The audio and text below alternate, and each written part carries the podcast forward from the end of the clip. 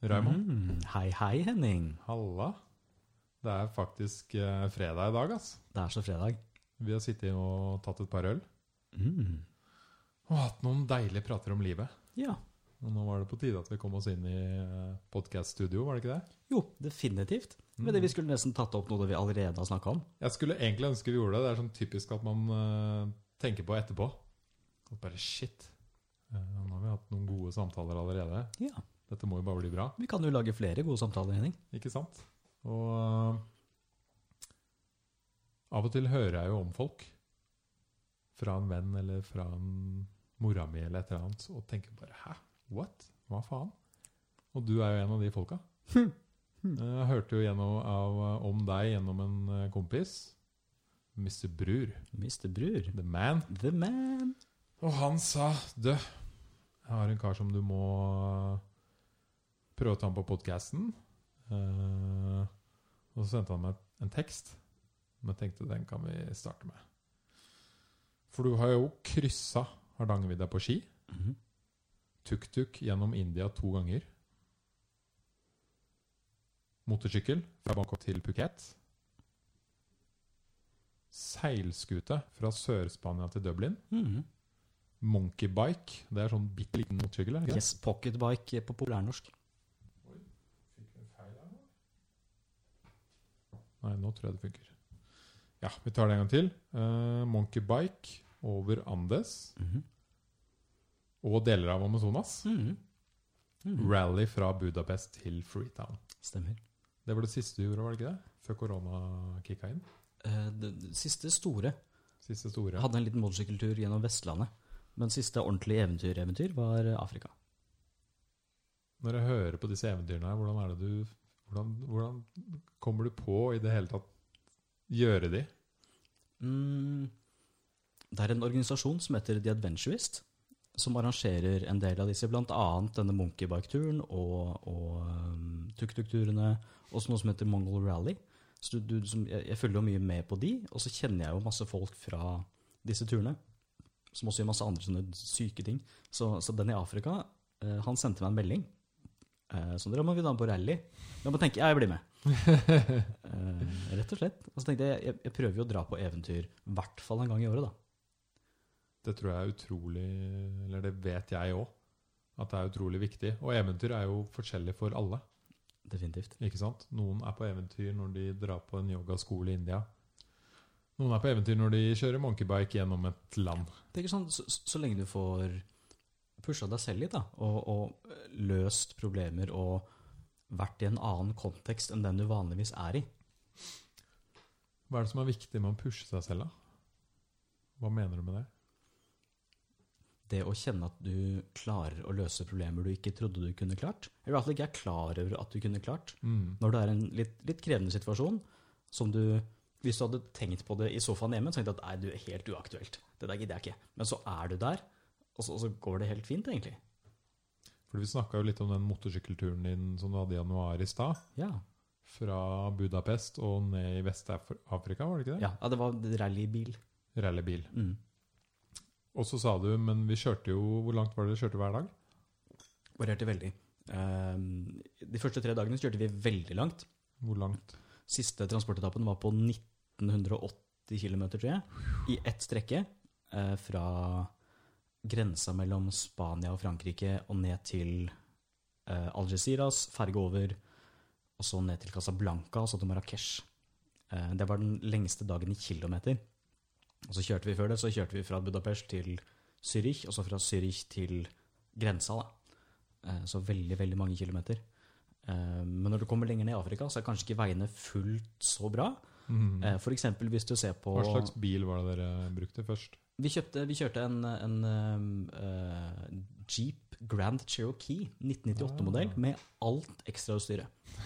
som, vi satt, eh, som vi satt ordentlig feite dekk på i Casablanca. Eh, men ja, hvis du sammenligner f.eks. autobanen da, i Tyskland, hvor det helt fint kan ligge i, i 160-170 uten å tenke på det, med eh, nasjonal motorvei N21, eller var det 23, i Guinea, eh, hvor du kan ha en snittfart på å si 15 km i timen. Så liksom, det varierer, da. Hvor, liksom, hvor langt kommer du på en dag? Men det her handler jo når du sier liksom at du har kjørt så mange kilometer noen dager, så pusher du deg selv litt ut av komfortsonen. Ja, uten tvil. Uten Mm. tvil. Og så når du, når du har kjørt i 20 timer, da. Du er drittrøtt. eh, Du er skikkelig sliten i øyet fordi alle kjører med langlysa på. Og så veit du at ok, nå skal jeg sove i et telt på et jorde som jeg må slå opp sjøl. Og så skal jeg bæsje i en bøtte. Og så må jeg stå opp klokka fire i morgen for å rekke neste heat. Og så gjør du det i tre uker.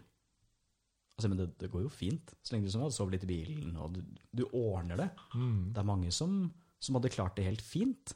Det er, sånn, det er bare det å få det gjort, da. Det er jo det som Det er jo det det handler om, å faktisk ta det steget og gjøre det.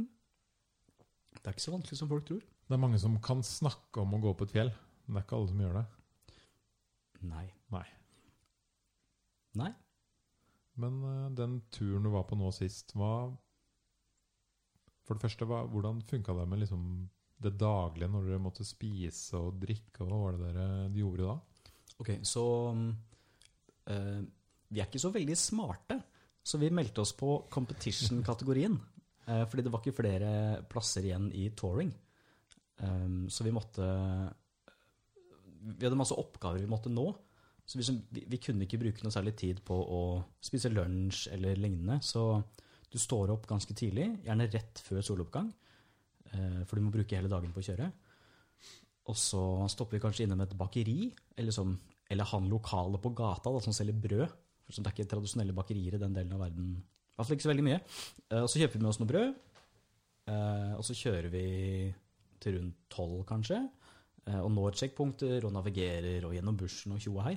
Og så finner vi kanskje et eller annet sted å spise lunsj på veien. Sånn en liten restaurant eller, eller en butikk eller noe. ikke sant? Og så spiser vi det vi kan der. Eh, og som vi liksom, kanskje vi må ta med oss noe mat, eller kanskje vi må liksom, kjøpe mat av noen andre i campen. Altså, ja. Det er, ja. Men det er en satt rute man følger, eller? I den, eh, Det er satt ut sjekkpunkter. Eh, og det er, liksom, det er en camp hver kveld. Vi kjørte en svær konvoi på kanskje eh, si 200 biler da, i forskjellige kategorier. Pluss helsepersonell og pace car og mekanikere. Om det er krise. Eh, så du, liksom, du, du burde helst holde deg ikke så mange dagene unna de, da. Ja. Hva er det du spurte om? Jeg glemte å datte av helt. jeg. Nei, mer eh, jeg, jeg lurte litt på hvordan det daglig funka. Ja, stemmer. Gå på do, hva gjør du da? Du stopper bilen, og så går du på do. Ja. Eh, fordi Får ikke en bøtte i bilen. Nei, det er ikke, det er ikke så gærent. Men vi, sånn, vi, vi må passe på å koordinere litt, da. Ja, Du Liksom- holder deg til kanskje nestemann også må på do. Ja, helst alle tre, da, sier vi. om Helst Tre alle stykker. tre. Sånn, 'Jeg må tisse. Må du tisse?' 'Nei, jeg må ikke tisse. Shit. Ok, jeg skal holde meg litt til.' Eh, og så, så må du kjøre, fordi det er tima. I hvert fall hvis vi er i en sånn eh, en slags eh, timegate. da, sånn, Kom deg gjennom disse tre sjekkpunktene så fort som mulig. Og så kanskje det tar fire timer. ikke sant? Og da må du bare sitte der. da. Eh, så Vi hadde ikke noe bøtte, vi tissa ikke ut av vinduet. Liksom, prøvde å holde oss litt siviliserte. Hvor var det kulest å kjøre på den ruta? Uten tvil savanne i Senegal. Eh, veldig, veldig stort. Eh, hundrevis av veier i alle mulige retninger. Eh, og så er det, liksom, det, det er sand, og så er det sånne små grønne grasstrå litt sånn spredt utover. Og så er det liksom løst med trær. Og her og der, her og der så er det en liten landsby, og så er det folk med kjerre. Eh, og så ligger du liksom Jeg husker jeg kjørte da, denne svære jeepen. Ligger i kanskje 80 km i timen. Cruiser over humplene. Eh, svær støvsky bak oss, én bil på hver side. Ja, det, det, føltes, eh, det føltes Sånn godt. altså. Mad Max-film? det- 100 Madbacks. Mm. Bare uten Altså, verden har ikke gått under og sånn, da. Men, men Folk skal ikke drepe deg og ikke sant. Ikke sant. Men ellers 100 Madbacks. Kult. Det var fett. Og hva skjedde når dere kom fram? da? Mm. Når vi kom fram, fram Tenker du for dagen eller helt fram? Helt fram. Eh, Det var ganske interessant, fordi siste campen var 70 km unna Freetown. Eh, Så ganske kort dagsetappe med motorvei hele veien. Så alle ble, alle, alle samla, eh, alle ble samla på den campen, og så var det litt sånn noen seremonier og noe planting av trær og noe greier med han som driver rallyet. Eh, Og dagen etter så kjørte vi kanskje i titida. eh, Konvoi. Alle bilene ned langs motorveien, og de hadde blokkert hele den ene sida av en svær motorvei. Og det sto tusenvis av politimenn ned langs hele ruta og vinka på oss, og masse folk og tjo og hei. og Militæreskorte, ordentlige greier. Så vi kjørte disse 70 km inn til Freetown, og så kjørte vi inn på en svær stadion. Hvor det var liksom igjen hundrevis av politimenn, militær ehm, Stilte opp rundt en sånn, en sånn løpebane. Og Så satt vi og så på tribunen, og så var det masse folk og band som spilte, og tjo og hei. Og så kom presidenten i Sierra Leone Oh. eh, sammen med livvakta si, som er den best kledde mannen jeg har sett i hele mitt liv. Hvordan så han ut? Eh, hvordan så han ut? Helt skalla, utrolig fresh sånn three-piece-suit, utrolig sharp.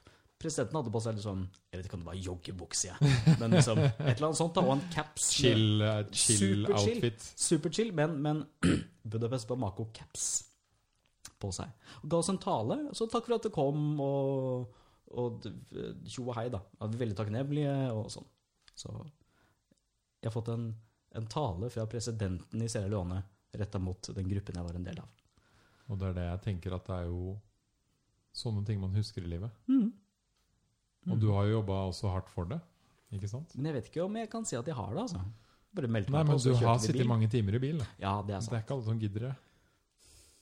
Men jeg Jeg mener, syns Stavanger-Kristiansand var langt. jeg. Nei, Stavanger-Oslo, mener jeg. I, I sommer. du får jo perspektiv, da.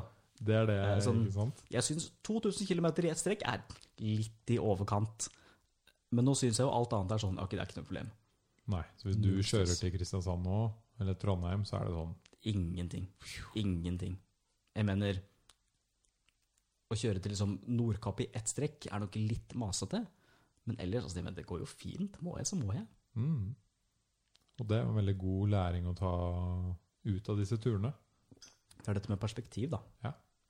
At når du har hatt eh, Jeg vil ikke si kjipt, men litt utfordrende hver dag i tre uker, så er liksom alt annet er så trivielt, da.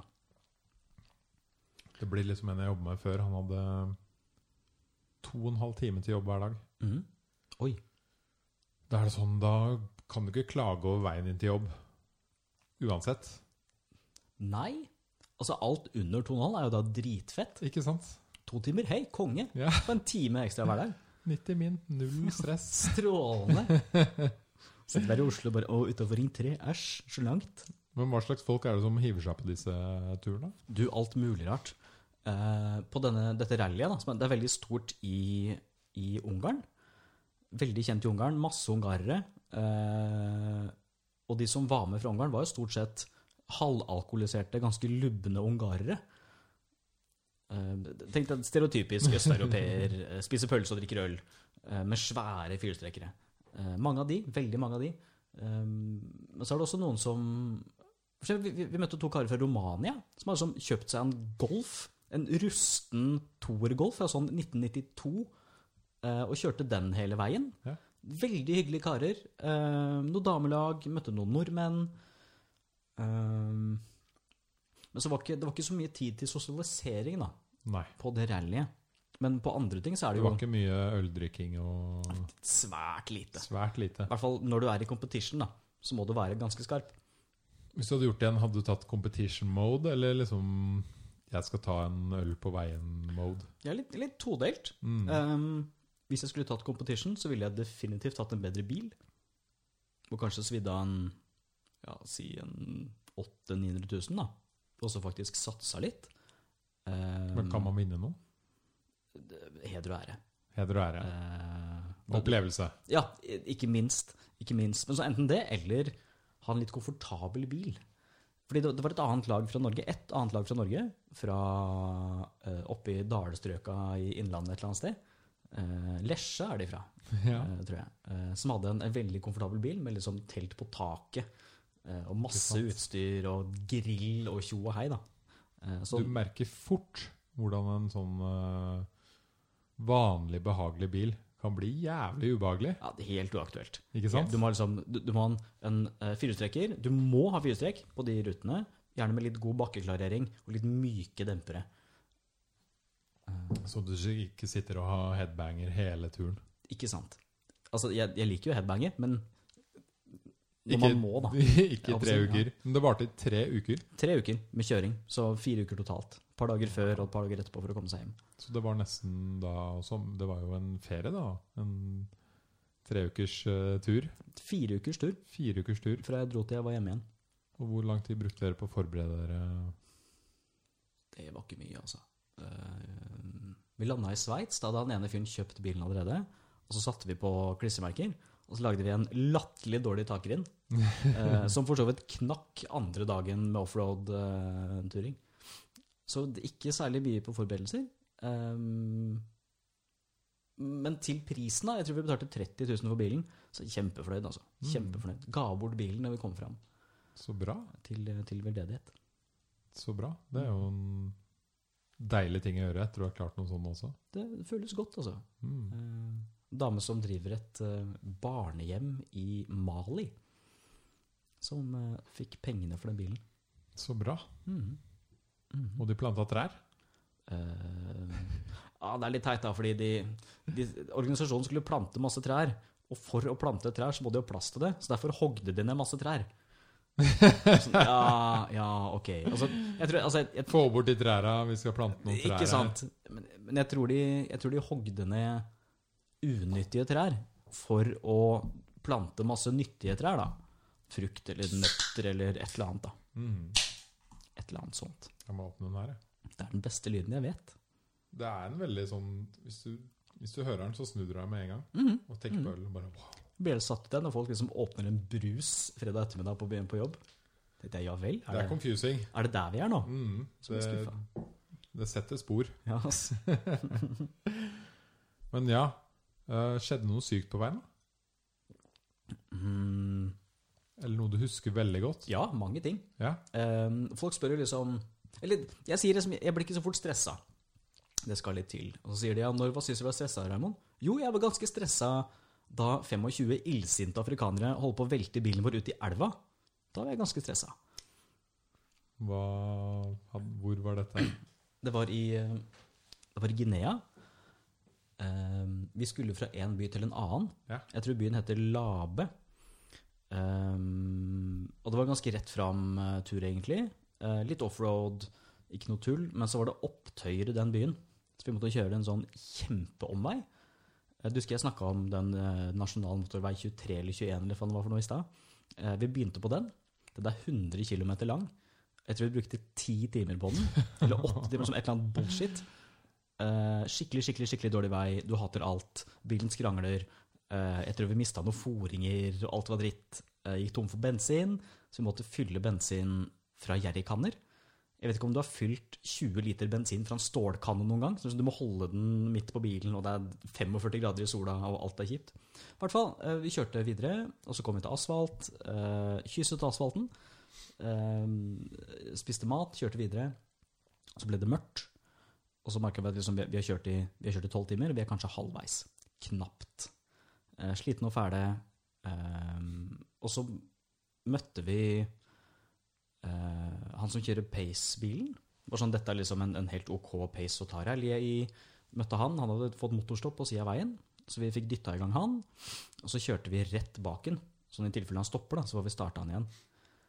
Eh, og han var utrolig sliten, fordi han, han kjørte med dama si, men hun kjørte ikke, så han hadde kjørt liksom hele veien. Og han- Hele ja, turen? ja. Hele turen. Ehm, og så må han både kjøre bil og organisere rally. ikke sant? Snakke med militær, militærpoliti og, og masse greier. Så han var helt ødelagt. Og så kom vi til en del av motorveien hvor det er enfelts broer over masse elver. Sånne ganske smale trebroer. Ehm, og hvis det hadde vært liksom bare sykler, så hadde det gått helt fint. Men det er det jo ikke. Det er jo lastebiler og personbiler og alt mulig rart som skal forbi. Så da får du sånne kilometerlange køer da, i hver ende. Så det vi gjorde, var at vi kom rett før eh, den andre retningen var ferdig. Eller kanskje det var vår retning som var ferdig. Vi kjørte rett bak pacebilen, og han kjørte I stedet for å legge seg ut til sida, så de andre kunne kjørt forbi, så kjørte han bare rett fram og blokkerte hele greia. ja. Altså to kilometer med kø eh, klokka elleve om kvelden. Og de ble ganske Og dere fulgte etter? ja, vi følte, altså, vi, vi følte, jeg følte ikke med. Jeg, bare, jeg skal ligge rett Du bak kjørte? Mm. han. Ja, ja, jeg kjørte. Jeg kjørte. Skal ligge rett bak han, i tilfelle det er noe. Så tenker jeg, ok, det er litt rart at vi kjører her, men det går sikkert bra. Eh, og så ble det, Det er til og med kleint i Norge når du liksom kjører det feltet ved siden av hele køen. Helt til du kommer fram, og så skal du kjøre inn og liksom og så går det ikke. Nei. Og så, i hvert fall, og så står vi der da, og blokkerer bokstavelig talt to kilometer med kø. Så liksom, de har venta i kanskje halvannen til to timer. Nå er det endelig vår tur, Og så kommer disse hvite nissene og ødelegger. Eh, så de kom, de kom bokstavelig talt løpende og var fly forbanna. Eh, og først så prøvde de liksom å bare dytte bilene våre ut i elva, bare hvelve de. Eh, litt stressa da du sitter liksom inni en bil, folk slår på rutene dine og prøver liksom å, å dytte og, og vingle på bilen din. Eh, men vi fikk snakka med de og sånn, ok, vi kan, vi kan rygge. Det går, det går fint, vi kommer oss ut. Og så rygga vi, og så passerte de, og så kjørte vi videre. Mm. Og så, det går bra. Ja, for i sånne stressa situasjoner så er det jo ekstra viktig å være rolig. Svært. Jeg mener, Du jeg, klarer jo ikke å tenke når du er stressa. Nei, ikke sant? Og da, da gjør det det bare verre. Altså, jeg kunne jo bare tråkka på gassen og kjørt over 20 stykker og rygga og styra Du og ordna. kunne jo klikka helt. Ikke sant? GTA Jeg, jeg kunne jo fysisk sett gjort det, men jeg er veldig glad jeg ikke gjorde det, da. ja, det, Da hadde du ikke vært her nå. Nei, ja, sannsynligvis ikke. Nei. Jeg tror ikke det er noe fett å sitte i fengsel i Guinea, altså. Jeg har ikke noe ambisjon om å gjøre det i, i mitt liv, i hvert fall. Det blir bra historie, da, om ikke annet. Ikke sant? Ehm, skjedde noe annet kult på turen? Hmm. Må ta deg en god slurk møll, for det Ja, altså, men det, det skjedde jo mye, men, men dagene glir litt inn i hverandre. Det var mye, mye kul offroad-kjøring. Ehm, jeg husker mot, mot slutten så lå vi rett bak en ehm, jeg tror det var en, en Dacia Duster. Det er en slags eh, cheap-ass caddy. Eh, så tenkte jeg som vi, vi ligger oss bak han her. Han har kjørt feil. Det var en del av rallyet, men han har kjørt feil. Eh, fordi vi kjørte den firehjulstrekkruta, som er en ganske tung offroad-rute. Eh, Og han har jo på ingen måte firehjulstrekk. Han har knapt tohjulstrekk, og sikkert sånn 95 hester eller noe. Eh, hadde kjørt feil, havna på firehjulstrekkruta, tenkte vi får liksom legge oss bak han og hjelpe han, da. Eh, men han, eh, han kjørte fra oss. Selv på de drøyeste offroad-bitene tenkte vi hvem i helvete er det her? Han er jo helt syk! Eh, så viser det seg at det er en, en gammel østerriksk rallysjåfør. Aha. Som er som deltatt- sånn Ko- Han koste seg, han. Mm, Ja, han syntes det var dritfett. Mhm. Kunne alle triksa og alt som var. Vi hadde ikke kjangs. Eh, og så snakka vi med henne. Han, som, han har vært med på de aller sykeste russiske rally, sånn, sånn 40 timers mountainside rally. Jeg bare what the fuck? Så vi hang mye med han. Han satte seg fast én gang, og da hjalp vi han. Eh, og så kom vi et stykke, og så endte han opp med å kjøre litt for fort over noe dårlig stein eller noe, og så bulka han felgen sin.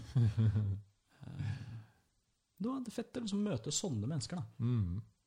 For det er også noe når du er ute på eventyr og plutselig stopper et sted, eller tar deg en pause eller spiser noe, så bare sånn Oi.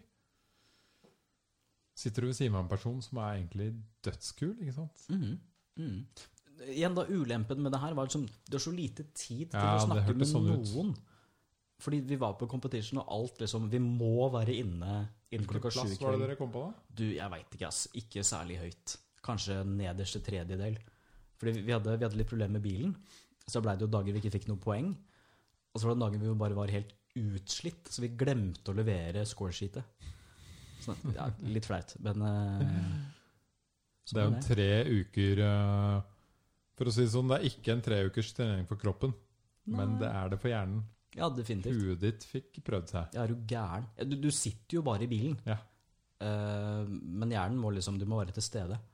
Virkelig. Hvordan var eh, kjøre... Dere var tre stykker. Ja. Hvordan kjørte dere? da? Altså sånn, Stort- hvor mange timer? Stort sett to timer. To timer, ja. Eh, hvis det er greie veier, f.eks. gjennom Mauritania, så er det jo paddeflatt. Altså, det er så flatt at du, du kommer ikke til å tro det engang hvor flatt det er.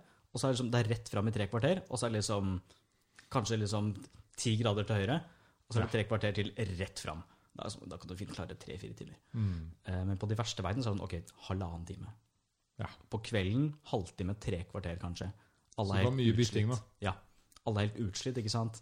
Du begynner å se syner, og du Så merker at, Dere prøvde ikke liksom Du kjører åtte, så kjører du seks. nei, er du gæren? Det er Det går helt, helt uaktuelt, helt Da- uaktuelt. Da er du fucked. Ja, ja, det, det, virkelig, det går ikke. Så små, små puljer er det som funker. Yes, for liksom, du, du må være så fokusert da. Fordi trafikken er ganske vild, da er det trafikk, og når trafikken ikke er vild, så er terrenget helt sykt. Ja, en, en av to. Ja, ikke sant? Og så må du fokusere på oppgaver, ikke sant? Navigering og koordinater og finne ting, og du, du må være sharp da. Hvordan funka de greiene der, da? Hvordan veit du hvor du skal, og hva bruker du av? Bruker du mobilen eller kompass, eller hva? Om, eh, om morgenen så får du en sånn rafe, eh, race briefing. Her er liksom oppgavene for i dag, siden vi var med i competition. På telefonen? Eh, nei, vi hadde en, en iPad, Ok. eh, eller, eller en, en Android-tablet, hvor du har liksom et GPS-program, og så får du et ark. Her er oppgavene. Eh, og så er det noen ting som er markert, og så må du finne ting. Og så er det alt fra kjør så fort du kan mellom, mellom disse tre punktene. Eller kanskje det ikke var det. Eller liksom hold, hold dette som snittfart. Og så er det liksom, hvis det er en halv kilometer i timen under, så mister du poeng. Er du Wow. én, så får du ingen poeng. Veldig veldig små marginer. Så det er sånn du må time det og sånn. ikke sant? Eller, eller finn korteste avstand mellom disse fire punktene. Eller hvor mange vinduer er det på dette bygget? Eller hva heter den restauranten? Og så Oi. får du bare koordinater, ikke sant? så må du finne alt selv. Så veldig ofte når én kjører, så jobber noen andre med oppgaver, da. Ehm, Eller det skjer. Ja, stort sett da, så har du eh, en som kjører, som bare fokuserer på å kjøre, og så er det en som navigerer, som hvor skal vi nå? Og for eksempel, når det er mørkt, og liksom, vi er ferdig med oppgavene, vi skal inn til campen, så er det stedet hvor, hvor eh, vi ser ikke veien i det hele tatt. Eller kanskje det er, eh, kanskje det er 30 veier da, ikke sant? Men så har vi én vei på GPS-en. Og så er det sånn, vi kjører, han som kjører ser ikke en dritt. Du ser, du ser kanskje 20 meter foran deg, og så ser du på kartet, og så er det sånn, ok, ok, 10 grader til høyre, 10 grader til høyre, og sånn, ok, ok, vi følger veien, og så merker vi, nå er vi av veien, ok, of course, og så litt, litt korrigering. Og da kjører du bare på kartet da. Det er ganske intenst. Det er veldig fint når du får en flyt, det føles veldig kult, du føler deg tøff. Mm. Men det må jo også være du, du burde jo havne med relativt bra folk da i bilen, Uten tvil, ellers så er du fucked. uten tvil. Først og fremst fordi du skal henge med disse menneskene 24 timer i døgnet i ganske stressa situasjoner i tre uker. Eh, Det er det ene, og så må de være kompetente nok, da. Ble det noe drama i Nei. bilen? Ikke i det hele tatt. Ikke i det hele tatt. Ikke Det i det er hele helt sinnssykt bra. da. Altså, du, du blir jo lei av folk, selvfølgelig, Ja, ja. men ikke noe, ikke noe drama eller noe som helst. Og de, de blir ikke stressa Ikke noe mer enn jeg gjør, i hvert fall. Ikke sant? Så jeg liker veldig godt det jeg hører med å jobbe med å håndtere stress ikke sant? Mm. i sånne situasjoner. Og i tillegg det mentale. At du klarte å holde ut hele den tiden. Hva skal, hva, altså, hva annet skulle jeg gjort, da? Ikke sant? Skulle Hva jeg- annet skulle du gjort? Skulle jeg stoppa? Altså, jeg mener Stoppe og tatt fly hjem? Du kunne gjort det. ja, Nei, folk kan finne på sånne ting. Jo da, men det, Nei, det hadde føltes rart, altså. Hva annet? India? Du har vært der? Eh, Ja, to ganger. Ja. Ehm, jeg kan begynne med den første. Hva gjorde du i India? Vi kjørte tuk-tuk. For de som har kart. Jeg har bodd i India et år, så jeg kjenner godt til ja, vel, eh, ja. Så nå kan vi begynne å prate her. Strålende. Eh, vi kjørte tuk-tuk fra Jaisalmer til Shillong, som er jeg tror det er 3500 km. Dette var i 2015. Hvis du ser India-kartet, hvor er det? Fordi ingen veit om de stedene. Det er du helt, snakker det er om. helt nord. Helt nord. Eh, helt vest i ørkenen, på grensa til Pakistan, så Ja. ligger en, eh, en ø, by som heter Jaisalmer. For så vidt Indias eldste fort hvor det fortsatt bor folk. Veldig fin by. I hvert fall Vi kjørte derfra til Shillong, eh, som ligger helt øst, helt øst liksom gjennom Chickens Neck, på grensa til ja, så det eh, er, dere Bangladesh. kjørte gjennom topp-India, da. Ja, hele nordkanten. Hele nordkanten. Dette var i 2015. Eh, Jeg hadde aldri kjørt et kjøretøy før. Aldri noen gang. Eh, Jeg vil, vet ikke om jeg ville anbefale tuk-tuk i India som første kjøretøy. Nei, det høres ja, Dere satt ikke på, men dere Vi kjørte. kjørte en tuk-tuk selv. Ja, der har vi tuk-tuk-tatoveringa. Fy faen. Eh, Vi kjørte selv, det er hele poenget. Eh, Begynte med sandstorm og tjo og hei. Eh, Har du, har du vært i sandstorm noen gang? Nei. Nei. eh, Vi, vi, vi kjørte, og så begynte det å blåse ganske mye. Disse tuk-tukene har jo ikke mer enn 7-8 hestekrefter, så de koste seg maks. Beskriv en tuk-tuk for de som ikke veit det. En eh, mm, trehjula glorifisert gressklipper er vel det beste. Med et lite tak. Eh, En lite tak, eh, en sånn en slags presenning. Blikkbokstak. Du- Ja, det er et Det er ikke et kjøretøy som er egna for noe som helst. Var det de gule? Ehm, jeg vet ikke hvilken farge de egentlig har, men de Nei. blir jo malt i alle mulige farger. Du sender en design før du kjører ned. Å ja. Ja. Så vi kjørte oss gjennom India. Eh, vi kom Men- omtrent men halvveis. Tilbake til starten her. Hva, Ok. Sandstorm var vi på. Sandstorm. Ja, Sandstorm var vi på. stemmer, ja. Du kjører tuk-tuk, og så blåser det veldig mye plutselig. Og så går du fra toppfart på 50 til kanskje opp i 80. Men sånn Og så ser du bak deg, så er det bare en enorm vegg av sand. Og så skjønner vi at å ja, men hvis vi fortsetter å kjøre nå, så kommer vi til å tette luftfilteret. Så vi stoppa, eh, tok på oss eh, skjerf. Alle hadde med seg skjerf, selvfølgelig. For vi hadde allerede vært et par sandstormer. Og så spilte vi Sandstorm av Darude. Oi. Mens vi dansa i en sandstorm. Det er sånn man skal håndtere en Det sandstorm. er sånn man skal håndtere en sandstorm. Og så kjørte vi videre. Det var, ikke, det, var, det var absolutt ikke noe bitch move. Det var ordentlig Dere eide bare stormen. Oh yeah. Mm. Hæ? Men hva skal du gjøre, da? Hva skal du gjøre? Ha det Prøv fett å ha når det du kan. gøy i det, og så hvis det ikke funker, så må du gå inn. ikke sant? Ikke sant? Ok, Så dere, hvor mange var dere? Um, hele, hele løpet er vel en 70-80 lag. Så 70-80 Nei, jeg tuk-tuker. tenkte på dere i tuk-tuken. Ja, ja. Så det er tre stykker i tuk-tuk. Ja. Vi- Vi var seks nordmenn på to tuk-tuker. Og så hadde vi møtt to andre lag som vi kjørte sammen. Fett. Ja, det er kjempefett. Det er Og så- ikke plass til så veldig mye mer enn tre enn en tuk-tuk. Nei, det blir trangt, altså. Eh, to går fint. Jeg velger hvert én. Nei. Eh, det blir ensomt, og da må du kjøre hele tida. Ja, ja. Eh, to går fint, tre er strålende. Mer enn det blir veldig trangt. Både med liksom antall personer og bagasje. Men det er sånn når du kjører rundt i India Det er bare så vanvittig mye kult å se hele tiden. Ja, det er helt crazy. Og det stopper aldri. Men igjen, da. Det er så dumt at liksom, vi har ikke hatt så mye tid. Og det er så mye å se på i Nei, India. men Det holdt deg vel våken, i hvert fall. Og liksom observant. Har, du, har du kjørt noe særlig i India? Ja. Ja, Da vet du åssen trafikken er. Ja. Eh, Det er ikke der du legger deg og slapper av og Nei, virkelig ikke. Men det jeg liker veldig godt med trafikken i India, er at så lenge du følger med, så går det fint. Ja, så lenge du er i flyten. Ja, Til ikke sant? trafikken. Nettopp, nettopp. Du kan ikke liksom stoppe og nøle og tjohei, men du må, du må flyte, og da går det fint. Det er det liksom Når de lærte meg når jeg først flytta til India, var sånn Hvordan skal jeg gå over veien her? Ikke sant? Det er jo en- en heftig motorvei. Bare sånn, nei, du må bare begynne å gå. Bare gå. Jevnt tempo hele ikke veien. sant? Og de bare, og jeg bare Ja, men hva skjer hvis det kommer en, liksom en buss? Bare sånn I hvert fall ikke stopp! Gå!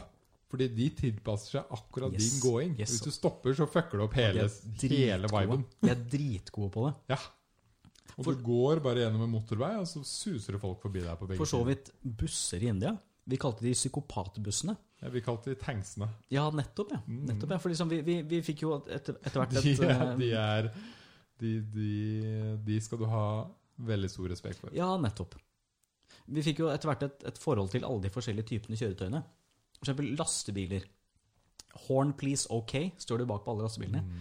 Eh, Så tuter som faen, og de kjører ikke så fort, vi kjører forbi, og alt er greit. Eh, Bilene kjører forbi, ikke noe problem.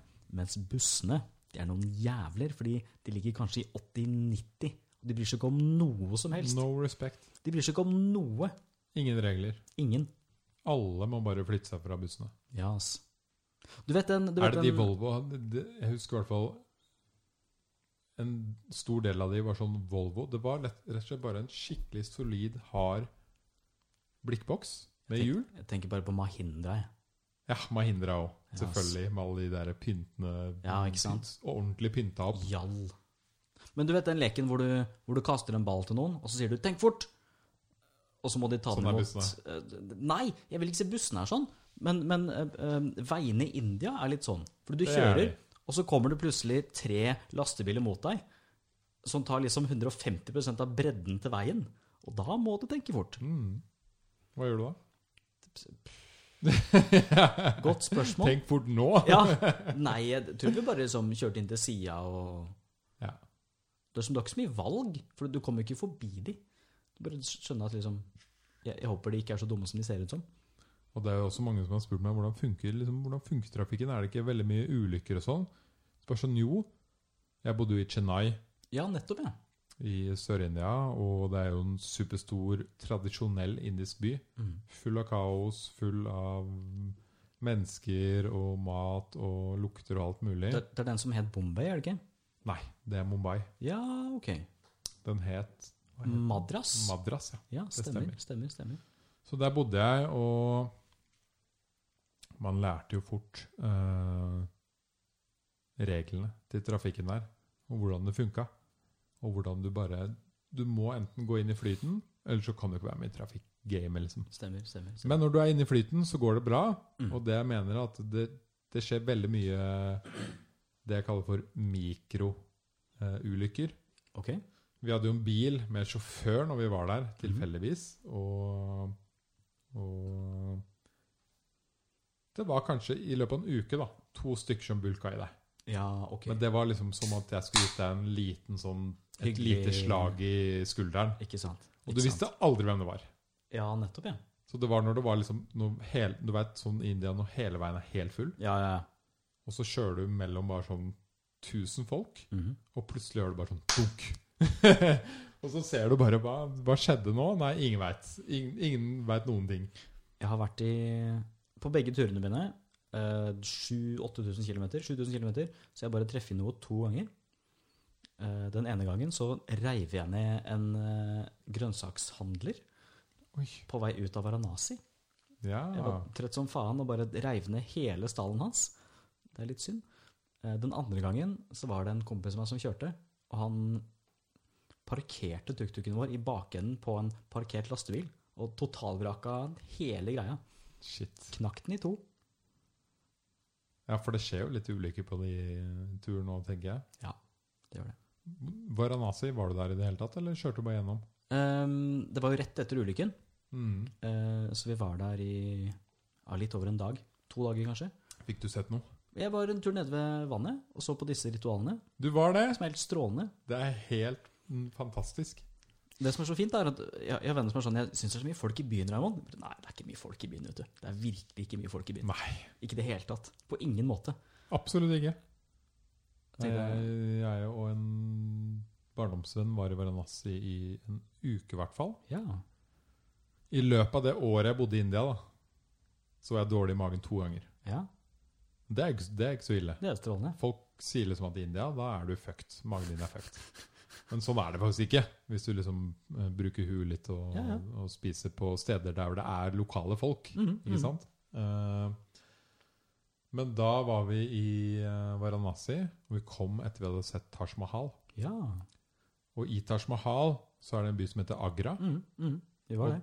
Dere var der, Ja. og der er det sånn Det er det verste stedet i India, for der er det bare turister, ikke sant? Mm. Så det er faktisk det eneste stedet jeg i India noen gang har følt sånn turist-scam, hustle, game Jeg skjønner. overalt. Jeg skjønner. Og så leste vi da litt rundt på nettet, og de bare 'Spis på det beste stedet', så du ikke blir matforgifta, Mm. og kom deg ut så fort som faen. Nettopp, nettopp, nettopp. Og det gjorde jeg. Vi Ja. go- gikk på en god restaurant og spiste. En bra restaurant. Ikke noe problem. Der ble jeg matforgifta. Åh, ja vel, ja. Så da hadde vi en åtte timers eh, togtur til Ja. Varanasi. Ja, nettopp. hvor eh, Let's go into details. Doene på togene i India. Det er to håndtak, Og så er det tøl i og gulvet. så er det tull i gulvet. Og jeg vil, jeg vil jo si at sånn eh, Altså, hvordan skal man forklare det? Ikke ergonomisk, men sånn i forhold til menneskekroppen, Mhm. så er nok det den mest optimale måten å gå på do. Ja, jeg er helt enig. Ja. Altså, jeg mener, det Den mest optimale jeg noen gang har opplevd. det er ikke noe komfortabelt. Nei, Du kan men ikke sitte der og lese, liksom, men du får gjort det du skal, altså. Det er in and virkelig. out. Ja, ja, ja, ja. Eh, og så kom vi da til Varanasi. Mhm. Så bare yes, bro, nå skal vi endelig komme til hotellet. Jeg hadde feber, måtte på do hvert 20. minutt. Å, det er gøy. eh, og kom inn på rommet vårt. Og det var et firkanta rom. Og doen var en do i det rommet med plastikk rundt. Altså liksom plastikk eh, Dusjforheng, liksom. tynn- Så å si dusjforheng.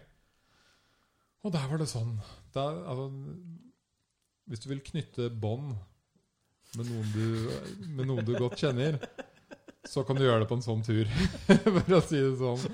Og vi er veldig gode venner i dag.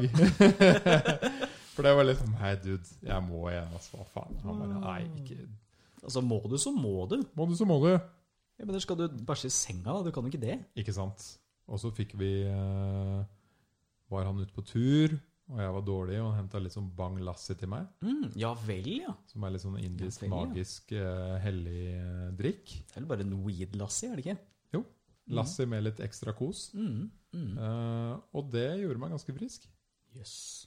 Så jeg drakk det, og så venta jeg fire-fem timer. Og så gikk vi ut og så på disse ritualene På Nede natta. ved, ja, nede ved vannet. nede ved Ganges. Ja, stemmer. Mm. Og det nesten første vi så når vi kom ned dit, var jo Vi, vi bodde rett ved et av de stedene hvor de brenner lik. Ja, nettopp. Nettopp. Og vi kom ned dit og snudde oss og bare Wow! Der er det. Der er det 20 bål. Mm, I alle 20 bålene ligger det mennesker. ikke sant.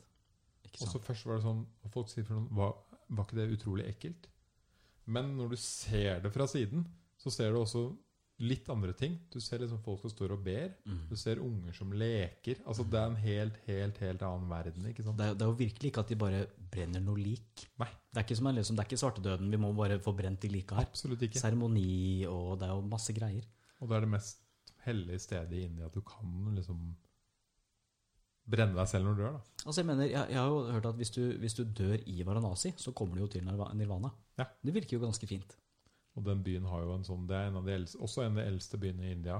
Ja, stemmer. stemmer, Og stemmer. har et veldig Du merker at det har bodd mennesker der i mange tusen år. Tenkte ikke over det. Jeg, var, jeg tror jeg var for ung. Du var for ung, ja. For ung og, Gå for, tilbake en dag. ja, uten tvil. Uten tvil. Jeg, jeg har lyst til å dra til India en dag eh, hvor jeg kan liksom oppleve litt ting. da. Og ikke sånn nå må vi, vi må kjøre liksom 400 km om dagen. Ja, fordi det Det høres jo ut som en veldig eh, hektisk og in intens tid. Det, er- det er blanding, da. det er en blanding. Fordi hvis du kjører, i hvert fall i byene, så er det, så er det veldig, veldig mye. Eh, Jeg mener ikke hektisk som i hva du ser, men hektisk i at du må liksom være på ja, det, det, ja, i tre uker. Altså, altså, poenget mitt er at det er Du har en ikke som kjører pauser. om, Nei, det er en som kjører om gangen, men så sitter du liksom i baksetet og chiller'n. Ja. Og sånn opptil fem timer, da, hvor du kan liksom bare se på, se på naturen og chatte med de andre på WhatsApp og liksom bare kulen. Mm. Og så er det potensielt ganske intenst i to-tre timer, og så kan du chille igjen. Eh, Men det er ikke Men noe fort, fortsatt i en bil. Eh, Ja, eller en tuk-tuk, da. Eller en tuk-tuk. Eh, I en tuk-tuk. Du må jo ha opplevd mer greier i India. Eh, ja. Jeg kan fortelle om da vi krasja. Ja, gjør det. Um, så vi hadde, vi hadde kommet til eh, Kanpur. Vi kom eh, på kvelden, og vi fant et veldig veldig fint hotell. Sikkert det fineste hotellet i Kanpur. Vi kjørte med, med tre bloggere som hadde ordna noe greier. Og så er det jo valet noe g- greier. Eh, og så er det jo valet parking på det hotellet. Og så foran oss var det en Ferrari og en Lambo. Og så kom det liksom tre jævlig støvete tuk-tuker fulle av liksom målskitne europeere. Eh, og disse Valet-gutta har sikkert parkert tusenvis av Ferrari og Lamboer. Bryr bryr seg ikke så mye om det. Da de så tuk- tuk-tukene, så ble de liksom helt fra seg. Ja, parker, kos deg. Eh, og så tenkte jeg at wow, shit, jeg har blitt skikkelig brun av liksom fire dager i ørkenen. Og så dusja jeg og spurte ah, nei, jeg, jeg, jeg er ikke brun. Jeg er bare skitten. I hvert fall eh, kosa oss der, snakka med mekanikeren. Eller fikk en valet da, til å skaffe en mekaniker til oss. Sendte tuk-tuken dit. Husker jeg og en kompis, vi sto eh, i et vindu på hotellet og kikket utover byen. Så vi, faen, er ikke det en tuk-tuk? Den ligna veldig på vår. Sjekk, de koser seg. Henger ute av sida og børner nedover veien. Så vi, er ikke det Ja, det er vår tuk-tuk, ja. ja Det det, er. det er mekanikeren vår, ja. Eh, så var vi der en, en- en, en dag. Dagen etter så kjørte vi. Eh, jeg kjørte første tre-fire timene. Kjempefin vei, kjempefint vær. Tuk-tuken gikk som ei klokke. Responsiv og fin. Og så bytta vi til kompisen min. Eh, Det skal sies at jeg hadde aldri kjørt noe før. Han hadde hatt lappen i et par år. I hvert fall, Vi kjørte nedover motorveien, så hadde han kjørt kanskje en times tid. Eh, og Så lå jeg liksom og halvveis døsa av bak på høyresida. Eh, og så var det noe som tuta, gud forby, i India. Eh, så han, han eh, Jeg vet ikke om han fikk panikk eller hva som skjedde, men han, han svingte hardt til venstre. Vi lå i høyrefeltet. Eh, og han svingte så hardt, og vi, vi lå i kanskje 60, så vi gikk opp på to hjul. Eh, opp over venstrefeltet, og så kjørte han hard høyre igjen. Opp på to hjul på venstre sida. Og så bare Å ja, fuck, det er en lastebil foran oss, parkert. Så han smalt inn bremsen. Den, den er jo til å begynne med ganske dårlig. Og når du har masse bagasje på taket og ligger på to hjul, så funker ikke den bremsen spesielt dårlig. Wow. Så vi dundra inn i denne lastebilen. Eh, kompisen min smalt huet sitt gjennom frontruta og inn i denne svære stålbjelken. Nei. Eh, jeg, ble, som jeg, jeg fikk slått kneet mitt, og liksom ikke noe alvorlig. Husker jeg liksom Jeg satt baki og var jævlig forfjamsa, så k- liksom kikker jeg forover. og Han sitter liksom og henger med huet eh, og blør ganske kraftig fra panna. Og liksom pakka pakka inn i tuk-tuken og tenkte jeg shit, shit, shit, shit, shit, shit, shit, shit. Men det gikk bra. Vi fikk pakka den ut, eh, holdt på å si, og fått den på, på sykehuset. Vi dro først på et offentlig sykehus. Ehm, jeg vet ikke om du har vært på et offentlig sykehus i India noen gang? Nei. Nei, det, det- altså jeg er imponert at du har et land med, med det var 1,3 milliarder mennesker, og de har gratis helsetjeneste. Imponerende det. Men vi gikk rett bak den båren, da. Han ble båret inn. Eh, og så er det sånn, Der er det en ku, der er det noen katter, der er det en hund. Kanskje noen rotter. Masse, masse syke folk som sitter i gangene. Og så, hva, er det, er det, hva er den lyden? Er det, å ja, det er et dieselaggregat som står og går inne. Eh, og så kommer vi fram da, eh, til et sånt slags venterom, og så sier de nå kan dere ikke gå lenger, fordi det er steril sone. tenkte jeg å, yes, steril sone. Strålende. Veldig bra. Så sitter vi der og venter en stund, sender en melding til familien hans at han har vært i en ulykke, men sånn, det, er ikke, det er ikke farlig, han klarer seg. Eh, og så kommer det en sykepleier ut og vinker meg bort, og så gir hun meg en lapp og sier at liksom, jeg må gå til apoteket, og sier liksom four stitches. Tenkte jeg, det er sikkert noe salve eller noe ikke sant, å ha på, på stinga. Og så går jeg bort på apoteket, eh, og så gir jeg han lappen og betaler eh, 10 rupier eller noe sånt som 1 krone og 20 øre eller et eller annet. Eh, Og så får jeg tråd.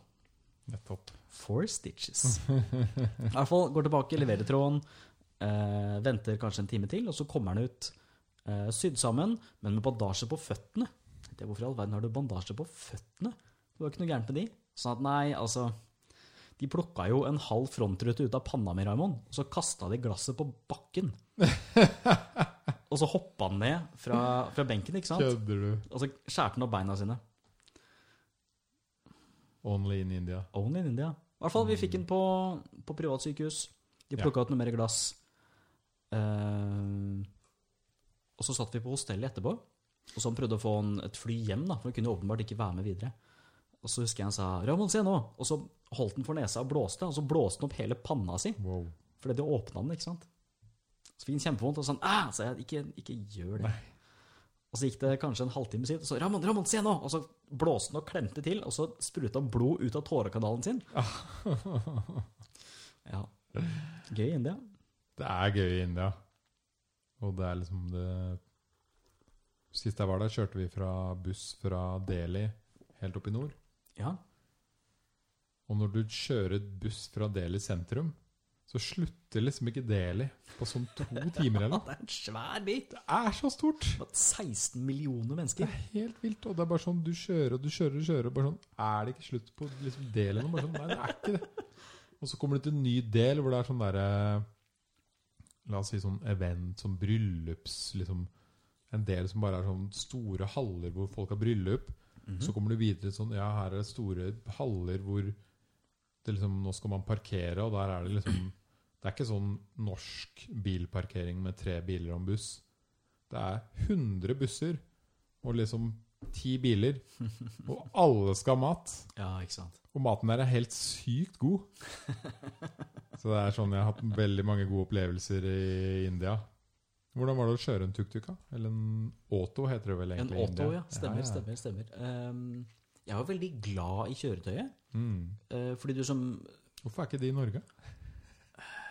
Fordi de er skikkelig dårlige. Ja, de er jo det. Og så er det jo drittkalde. Ja, For det er jo ikke vegger eller dører eller noe som helst. Ingenting. Du kan jo bare kjøre det om sommeren. Knapt. Og bråker mye. Jeg tror ikke jeg merka det, altså. Eh, Nei? Kanskje det er fordi alt annet bråker så mye i India også.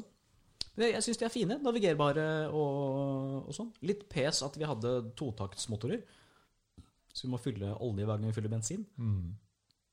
Men ellers veldig fornøyd, altså. Så auto gjennom Du har gjort det to ganger. Først fra Jaisalmer til Shillong, og så fra Cochin til Jaisalmer. Nå i 2018 20, tjue- Høsten 2019. Cochin er også i, oppe i Helt i sør. Helt i sør, ja. Helt i sør, på vestkysten. Aha. Så vi Er det fulgte. under uh, Varanasi og sånn, eller? Varanasi ligger jo ganske langt nord. Vest.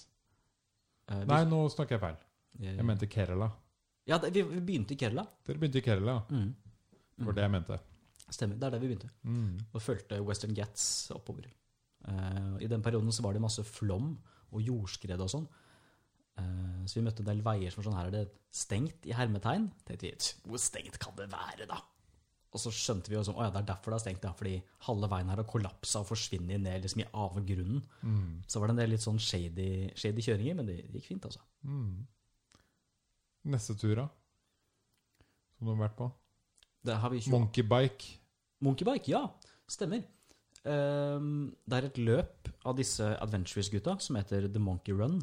Hvor du kjører en monkeybike, eller pocketbike. eh, Forklar hva en gang til hva monkeybike det er. er en veldig, veldig veldig liten motorsykkel. Jeg vet hva det er. Hvis du noen gang ser en sånn bitte liten motorsykkel på gata en halv, en, Det er en halv motorsykkel. Altså, ja, den, den er så liten. Mm. Ehm, Den er kanskje kvart Harley. ja, knapt en kvart Harley. Ja. Eh, det er sånn min, Mye mindre enn en mopp, da. Den er ikke, den er ikke godt egna for noe. I hvert fall, de har, de har disse monkey runsa, som de kaller det. De har en i Marokko, så var den første, tror jeg. Hvor de kjører liksom over Atlasfjellene på monkeybike. Og så har de en i Romania, og så har de den i Peru. Som, jeg, jeg har bare vært på den, men jeg tror det er med god margin den kuleste. Eh, vi begynte i en by som heter eh, Ayacucho, som ligger på to 2300 meters høyde. Hvor du merker at 'å ja, jeg blir, jeg blir andpusten bare å se på den bakken der'. Mm. Eh, Begynte der å kjøre. Er det langt unna Machu Picchu og sånn, eller er det liksom i jeg, jeg, tror det er, jeg tror det området? er litt lenger nord enn Machu Picchu. Det er ikke kjempelangt, Nei. tror jeg. Jeg har ikke sjekka nøyaktig. Eh, kjørte nordover. Vi var kanskje 20 stykker, så ganske få. Nordover eh, over Andesfjellene. Det må jo se lættis ut Ja, det er med den helt gjengen som latterlig. kommer forbi. Helt latterlig. Ja. Men jeg kjørte mye aleine, da. Fordi jeg, jeg, jeg tok med meg en fyr som jeg møtte på fylla et år før. Eh, Men han tryna første dagen. Eh, Kjørte litt fort over en humpel og smalt skuldra i asfalten. Så jeg kjørte litt aleine. Kjørte litt med folk når jeg møtte de. Eh, Men så, sånn, så bryter de ned, og så vil jeg bare kjøre, ikke sant. Og folk sier at liksom verden er så liten. Som når, du, når du sitter på en monkeybike på 4500 meters høyde i Andesfjellene Jeg lover deg, du er så liten. Mm. Verden er så forbanna svær. Og jeg veit godt om de veiene der oppe òg, Mhm, i fjellene. mhm. Det er som du kommer på en, en eh, vei, for jeg har også vært der, Ja. hvor det er plass til eh, Si en bil, da. Og så kjører du opp på et fjell, mhm. og så kjører du rundt hjørnet, og der kommer det en buss. Ja, stemmer. stemmer. Sånn er det Og som- ofte. Og det, det er ikke egentlig plass til bussen. Men så kommer det også en buss bak deg. Ja, ikke sant. Og på en eller annen måte så klarer de to bussene å kjøre Ja, forbi. altså, det Ah, helt er sånn der, sjukt. Det er jeg, helt sjukt. ja, by, Sånne steder tar jeg ofte nattbuss, for da veit jeg ikke hva som skjer. Og du ser ikke eller whatever, vil ikke tenke på Du det. sover, og så kommer du fram, og så er alt greit. Ja, jeg har jo kjørt en, en bitte, bitte, bitte liten motorsykkel gjennom Mm. disse veiene. Eh, Hvordan var det da, når du møtte disse bussene og altså, d- den er så liten, så du tenker ikke over det engang. Det det er ikke noe problem å passere i det hele tatt. Jeg mener, I verste fall så bare tar jeg en på ryggen og går. Ja, det går an. Knapt. Eh, hvis, hvis du er litt sterk, da. Hvis du er ca. dobbelt så sterk som meg, så går det fint. Eh, men som alt, fra, alt fra veldig veldig, veldig smale grusveier som går som i sikksakk rett opp fjellsida, til liksom ganske fine, fine motorveier. da. For eksempel veien inn mot Huancayo var ganske fin. Da kunne jeg ønske liksom, Nå skulle jeg hatt en ordentlig motorsykkel. Mm. Nå er det litt teit å ligge i 40. Hva opplevde du på den turen? Mm, Det er så morsomt at du har eh, kjørt med monkeybike, som er en La oss bare kalle det en slags bedriten liten motorsykkel. Ja. Ja. Svært bedriten Og så har eh, du motorsykkel. en tuk-tuk, eller en Auto, som er en eh, bedriten motorsykkel med tak. Stemmer. Helt Egentlig. riktig. Helt riktig. Den er så dårlig at den hadde ikke klart seg på to hjul. Nei. Eh, Men, eh, men eh, Peru Så eh, jeg kan jo ikke spansk. Jeg kan, jeg kan eh, no hablo español, som betyr jeg snakker ikke spansk. eh, Og no etiende, som betyr jeg skjønner ikke. S- Som egentlig er alt du trenger, Mm. eh, hvis du er litt kreativ. Um, Jeg var i en eh, Vet du hva, jeg må spole litt tilbake. Jeg var på vei ned fjellet Ja. til en eller annen by, og så datt kjedet mitt av. Eh, Og det er jo litt dumt når det er på vei ned et fjell. Altså, jeg, jeg stoppa monkeybacken min, fant fram verktøyet, begynte å skru og styre og ordne. Og så viste det seg at mutter'n som holder på plass bakhjulet mitt, har dette ned fjellsida. Hmm. Dette hva i helvete gjør jeg nå? Men så kom det en, en peruvianer med lastebil og kona si eh, og plukka meg opp. Han, han insisterte. Jeg tenkte, ok, det går, det går fint. Hyggelig. ja. Så satt vi monkeybacken min baki på lastebilen hans, Så satte jeg meg foran i kabinen sammen med kona hans, og så kjørte vi ned fjellsida. Eh, og så prøvde jeg å kommunisere litt, men disse de, de kan jo virkelig ikke et kvekk, verken norsk eller engelsk. Og jeg kan svært lite spansk. Eh, men fikk liksom gestikulert og, og greier, da. Altså, Man klarer på en eller annen måte å liksom forstå litt. ja, ikke sant? Jeg Man si gjør sånn, det. Jeg skal til byen, den byen, ikke sant? Ja. Eh, og så ringte han dattera si, da, som kunne, som kunne engelsk. Og så husker jeg ikke helt hva han sa, men han sa liksom 'Gringo di Noruega'. Jeg tenkte, Hei, det er meg! Hei! Eh, woo! Eh, og så snakket Set me up with that date. Å, det er det som er så fuck, da. Fordi ehm, jeg snakka litt med henne, og sa som ja, vil du komme til Huancayo? Så jeg nei, du, jeg kan ikke. Jeg må til den byen her, fordi jeg har ikke lyst til å ta lastebil for langt. Jeg vil kjøre hele veien. Og så sa han sånn, ja men, ja, men du burde komme til Huancayo. Så jeg nei, du, jeg kan ikke, ikke sant. Og så gikk det et par timer, og så ringte de igjen, og så snakka jeg med henne. Og så sa hun liksom ja, men vil- vil du komme til Huancayo? Så jeg nei, du, jeg kan ikke. Jeg må liksom, jeg må kjøre motorsykkel hele veien, da. Eh, og så slapp de meg av, og så viste de meg bilde av dattera, som var liksom dritfin og på min alder. Så tenkte jeg oi, fuck, jeg, jeg skulle kanskje dratt til Huancayo. No. No. Da var det for seint. I hvert fall, jeg fikk fiksa Kanskje du må tilbake til Mankayo en dag. til Huancayo kanskje en måned. Huancayo. Jeg kommer aldri til å finne henne. I hvert fall, jeg fikk, jeg fikk fiksa det verste, og så viste det seg at det var masse andre greier. Og så fant jeg noen lokale rånere. Du tenker liksom 17-18 år gamle det, det de kan, er å skru. Mhm. Men så var det, det var stengt. De sto bare og skrudde, men de, de som delsjappa var stengt. Vi måtte ha noen deler, så jeg fant et hotell. Altså, I den delen av universet så er det ikke så veldig mye turister. Eh, så midt på fjellene i Peru. Eh, så det var ikke noen folk der, så jeg måtte ringe de. Men jeg, jeg kan jo ikke spansk, så jeg kunne ikke ringt de og, og booka et hotell. Så jeg fikk tak i en lokal fyr som snakka litt engelsk, så jeg kan du, kan du booke et rom for meg? Og så gjorde han det, og så gikk det fint, og så fikk jeg lagt meg. Eh, og så sto jeg opp, og så var det ingen på hotellet. Helt tomt. Tenkte jeg, ok, jeg får bare klatre over porten eh, for å spise frokost. Eh, og så spiste jeg frokost, og så kom jeg tilbake, og så var det fortsatt ingen der. Tenkte sånn, faen, jeg, jeg kan jo klatre, men jeg, jeg får jo ikke monkeybacken min ut av det, av det hotellet her. Det går jo ikke an. Og jeg må liksom, det er et kvarter til jeg skal være på den sjappa for å fikse sykkelen min, sånn at jeg kan komme meg videre. Tenkte jeg sånn, shit, fuck, hva skal, skal jeg sånn, skal jeg bære den opp på taket og fire den ned med tau, eller hva i all verden skal jeg gjøre nå? Så kom det en politimann, tenkte jeg sånn, snakket litt med han, han skjønte ingen verdens ting, snakket med noen andre folk, ringte nummeret, ingen svarte. Eh, og så kom han som dreiv hotellet, da. Og så viser det seg at det er et annet nummer du må ringe, men den lappen har dette ned om natta. Mhm. Så det, det ordna seg. Du gjorde det. Ordnet seg. Fikk du åpna døra og kjørt videre? Fikk åpna døra og kjørt videre. Fiksa, fiksa munkebaken og kjørt videre.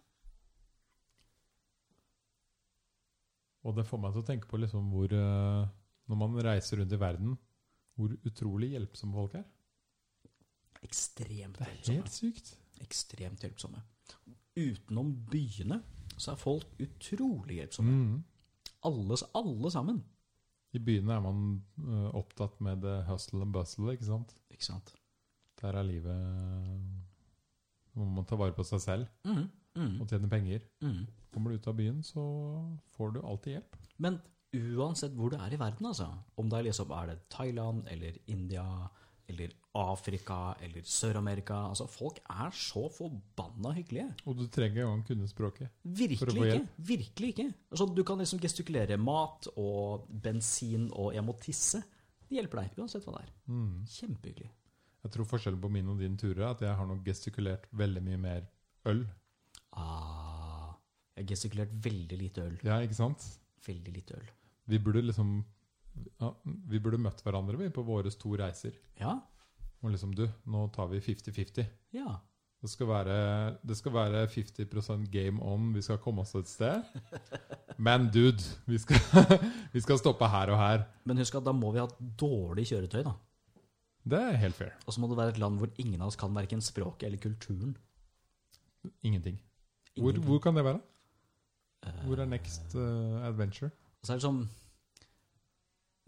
en balanse som jeg, jeg har ikke lyst til å kjøre inn i jeg vet ikke, Syria. I hvert fall ikke på en sånn Jeg vet type ikke. tur. Jeg så en sykt bra dokumentar nå på NRK Mhm. om en kar som reiser gjennom eh, Syria, egentlig alle de landene i Midtøsten Mhm. hvor det har skjedd veldig kjipe ting. Mhm. Og han viser akkurat det vi snakka om. Folk er veldig hyggelige, er de ikke? Sykt hyggelig! Og det er det dokumentaren til slutt handler om.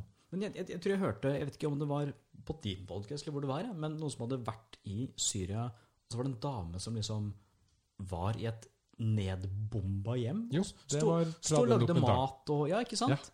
Sang og... Hun var i Syria. Ja, nettopp, ja. Og det gikk i en ga... Du kan tenke deg hvis du går i eh, bare la oss si Karl Johan, da. og alle bygg rundt er bomba.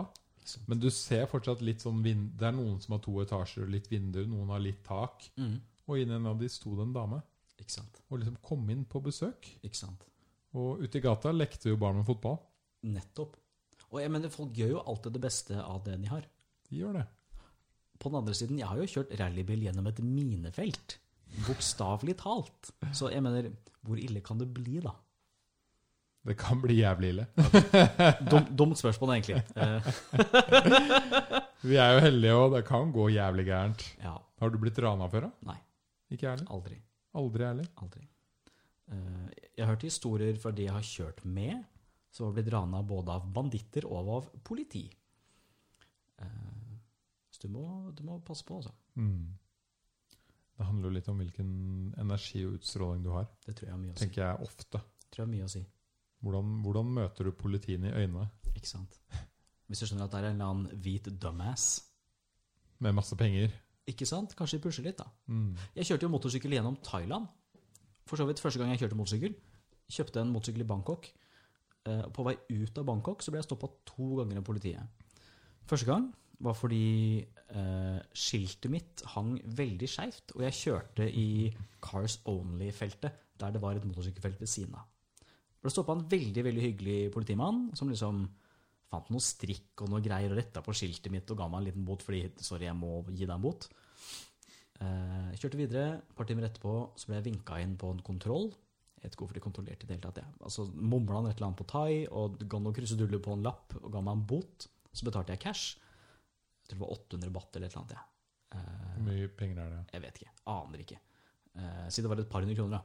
En, en ikke triviell sum. Og så tok hun helt udiskré halvparten og putta i sin egen lomme. Ja, ja. Bare sånn, Prøver ikke å skjule det litt engang. Så tok hun halvparten av det og putta liksom i boksen, og så putta han resten i lomma til sjefen sin. Helt udiskré. Gi så faen. Og så beholdt jeg den boten, da. For sikkert liksom, hva, hva er det her, egentlig? Eh, og så møtte jeg noen noe folk, thai, thailendere som Heter det det? Thailendere? Thailendinger? Thailendere høres mest riktig ut. ja. I hvert fall jeg møtte Ja, noe, la oss si det. La oss si det. Møtte noen lokale som snakka litt engelsk. Og så ga jeg dem boten. og Sånn, hva, hva, hva står det her, hva er det her for noe? Vet du, Jeg, jeg kan ikke lese det. Jeg aner ikke hva det er. Det er ok. Turistskatt. Heldigvis er botene der ok, Ja. stort sett. Ikke sånn, ikke sånn 10 000 kroner. Nei. Heldigvis. Heller ikke 800. I hvert fall ikke de jeg har vært borti i, i de landene jeg har reist i. Jeg vet ikke hva kursen på BAT er, jeg. Har ikke peiling. Nei. Men jeg har jo også vært, eh, blitt stoppa av politiet mange ganger i India på Ja. scooter, f.eks. i Goa. Ja. Men jeg har jo bodd der et år, Mhm. så jeg kan jo game. Ja, ikke sant. Jeg skjønner gamet. Mhm. Og Hva er gamet? game i India er jo bare å vise at jeg selv er sjef, Mhm. og vil ikke ha den moten. Og den, hvorfor, sku- hvorfor skal du gi meg den moten? Mhm. Det er bare tull. I hvert fall hvis det er en tullebot. da. Hvis man fortjener den, Mhm. så er det fair. Mhm. Men det er sånn Ja, du kjørte eh, De finner jo på ting. Ja. Ah, you drive without eh, sweater. Et eller annet. Og jeg, Shit, jeg, ja. det er sånne ting. Du kjørte uten genser. Du kjørte uten setebelte. Ja, men det er en scooter. Sånne ting. og så er det bare sånn Nei, nei, nei jeg, jeg skal ikke ha den moten. Mhm. Og så ser de seg litt rundt og blir litt confused og liksom OK. eh, må snakke litt med sjefen.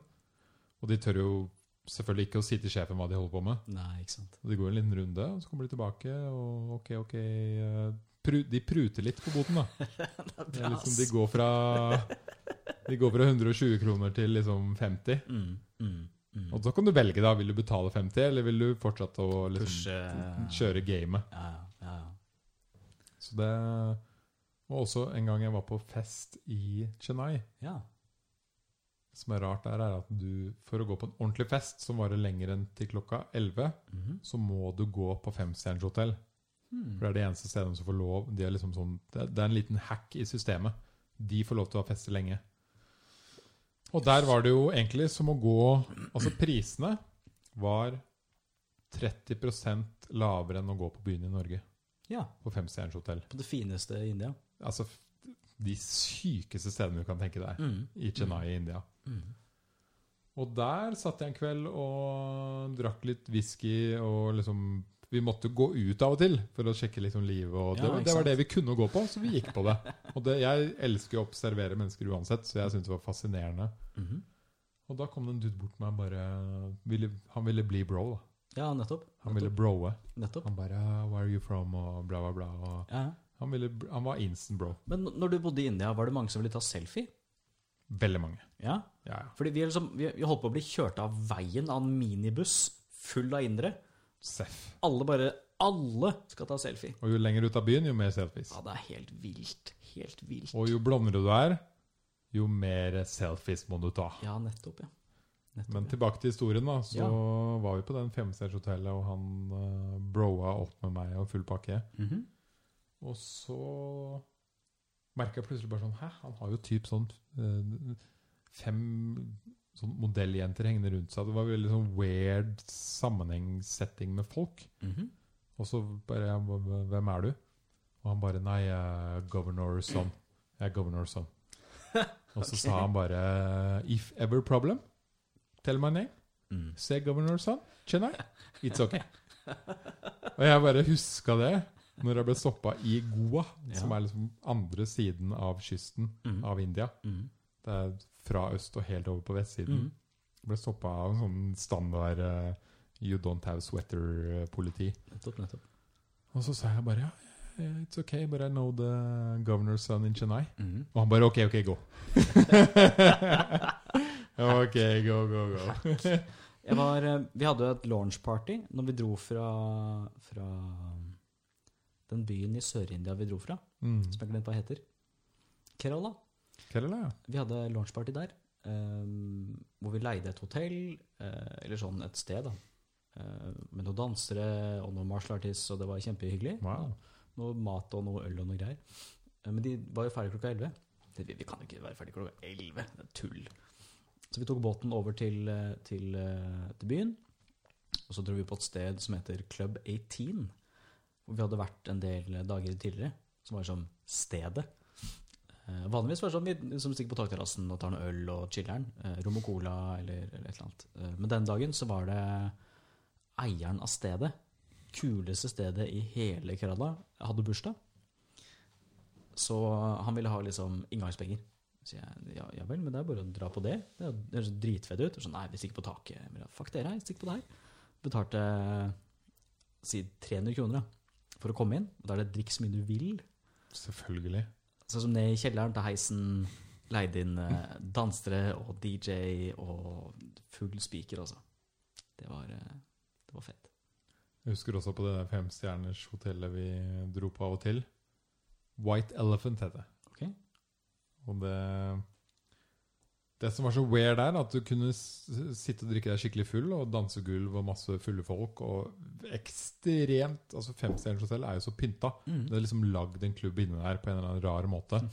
Men du kunne gå opp trappa, og der var femstjerners restauranten. Ja vel. Så da kunne vi sitte og se ned på festen. Mhm. eh, og Bokstavelig eller observere hva som metaforisk? skjedde. Nei, bare for å se hva som skjedde. Og samtidig bestille liksom den beste maten du kan tenke deg. Altså den beste, eh, helt sinnssykt god mat. Mhm. Mhm. Og så husker jeg vi gikk ut en av kveldene, og da Indere kan jo ikke drikke. Det vet jeg ikke noe om. Det, er, eh, det kan de ikke. Ok. Det har liksom ikke vært sånn som, sånn som nordmenn, da, som har starta tidlig og bygd seg opp og lært hva det er å drikke. Det er jo ikke noen drikkekultur. Og Det er ikke vanlig å drikke, og det er liksom nytt i India. På en, på en måte er det nytt i India, og de, de kan ikke det. Så når de drikker, blir de jævlig fulle, og de spyr ofte, og de, de, de kan det ikke, liksom. Ikke sant. ikke sant. Der vi var når vi prøvde å drikke for første gang, det, de årene der, der er nesten alle inderne jeg møtte. Mhm. Og så gikk vi ut for å ta en tuk-tuk. Ja. Og da var det en indier som selvfølgelig var en sånn governor's son eller et eller annet, for det var jo alle der. Alle er jo det på de stedene. som hoppa inn i en sånn Lamborghini. Ja, Og så rygga han rett inn i en annen Mercedes, fordi han var dritings. dritings. Ja. Og så kjørte han full gass rett inn i liksom en helt annen, Å sånn nei. sinnssykt Ferrari eller noe. Å nei. Og gikk ut og bare Nei, it's not my fault. Sånn dro det gamet der. Åpenbart ikke! Og det verste er at hvis du er i den riktige familien i India, så kommer du deg unna, vet du. Da er det jo ikke din skyld. Nei. Den sto jo parkert dårlig. Hva, hvorfor var de i veien? Hvorfor var de i veien? Men det er også litt gøy med disse landene, å lære litt om det lokale gamet. Og det kan jo være selvfølgelig vanskelig når du sitter i en bil eller en tuk-tuk hele tiden. Altså, vi, vi er jo aldri lenge nok på ett sted til å lære noe som helst. Har du vurdert å prøve å være den perioden du har kjørt ett sted? Uten tvil. Uten tvil. Du har prøvd det, eller vil du prøve det? Jeg vil. Jeg har ikke gjort Vil det du ennå. prøve det? Jeg har bare hatt sånne teite ferier Mm. hvor jeg som skal komme meg fra A til B så fort som mulig. Et eller annet Det er ikke teite. ubrukelig eh, kjøretøy. Jeg, tror ikke- jeg syns ikke det er teite, men øh, jeg ville hatt en miks. Annen hver, kanskje. Ja, nettopp. Nei, jeg er helt enig. Jeg er helt enig. Eh, Det jeg angrer mest på, er at jeg har ikke hatt tid til å bli kjent med folk. Nei. Vi møter jo masse jævlig kule mennesker. Både liksom fra de som deltar på turene, og lokale. Så har du ikke tid til å bli kjent med de ordentlig. For du, du, som, du skal alltid videre, da. Så ja, vi, vi må kjøre 350 km i dagen, hvis ikke så kommer vi ikke fram. Og da rekker vi ikke flyet, og det er dritt. Det er dritt. Eh, Du blir godt kjent med de i bilen. da. Ja, men de kjenner det ofte fra før av. Ja. Ofte. Å, mm, når vi krasja, så tenkte vi ok, nå har vi ikke noe tuk-tuk. Eh, De vi kjørte med, hadde bare kjørt videre, fordi vi sa kjør videre, ikke tenk på oss. Eh, Men vi tenkte vi har ikke lyst til å gi opp nå, så vi møtte to andre grupper på hostellet som var med på, på rallyet. Eller på, på tuk-tuk-turen, da. Eh, Og han ene derfra, Bjørn, er han sveitseren jeg kjørte rally med nå Ja. I januar. Fett. Det var dritfett. Han er helt rå. Så India, Peru, Thailand Thailand Afrika. Hva, hva gjorde du i Thailand? Jeg kjørte motorsykkel, som sagt. Monkeybike der òg? Nei, motorsykkel. Der var det motorsykkel, ja. Det var første gang jeg kjørte motorsykkel. Bra. Så Altså, planen min, da, eh, var å Vi tok først fly til Myanmar. Eh, provin eh, hovedstaden i den nordligste provinsen. En liten kolonialby som heter Michina. Hvor det er absolutt ingen verdens ting. Planen min var å kjøpe en tuk-tuk der og kjøre gjennom hele Myanmar, hele Thailand, ned til Malaysia. Nesten over til Singapore, og så selge den der. Hadde jeg hatt seks uker, så hadde det sikkert gått fint. Vi hadde to, Mm. så det ble ikke noe av. Så vi reiste gjennom Myanmar på vanlig turistvis. Tog og buss og tjo og hei. Så tok vi fly til Bangkok. Så kjøpte jeg motorsykkel der. Eh, kjører du motorsykkel? Nei. Nei. Ikke ennå. Men du har kjørt scooter?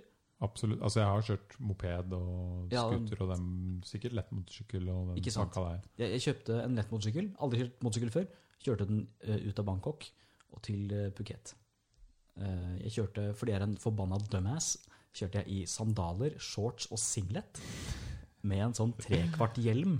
Så jeg ble jævlig solbrent. Ja, det tror jeg på. Jeg var helt latterlig solbrent eh, og fikk liksom brannshår på føttene av girkassa.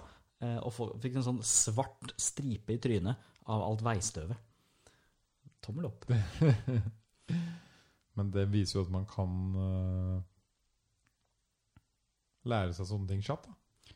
jeg vil jo ikke anbefale det til noen. Nei. Eh, jeg, mener, jeg, jeg, jeg Det skjønner er jo ikke de tryggeste stedene å øve seg heller. Nei, nei, men så er det liksom Det, det er såpass avslappa at du får liksom Du får lært litt ting, da. Og det er, liksom, det er ikke så mye regler du må forholde deg til.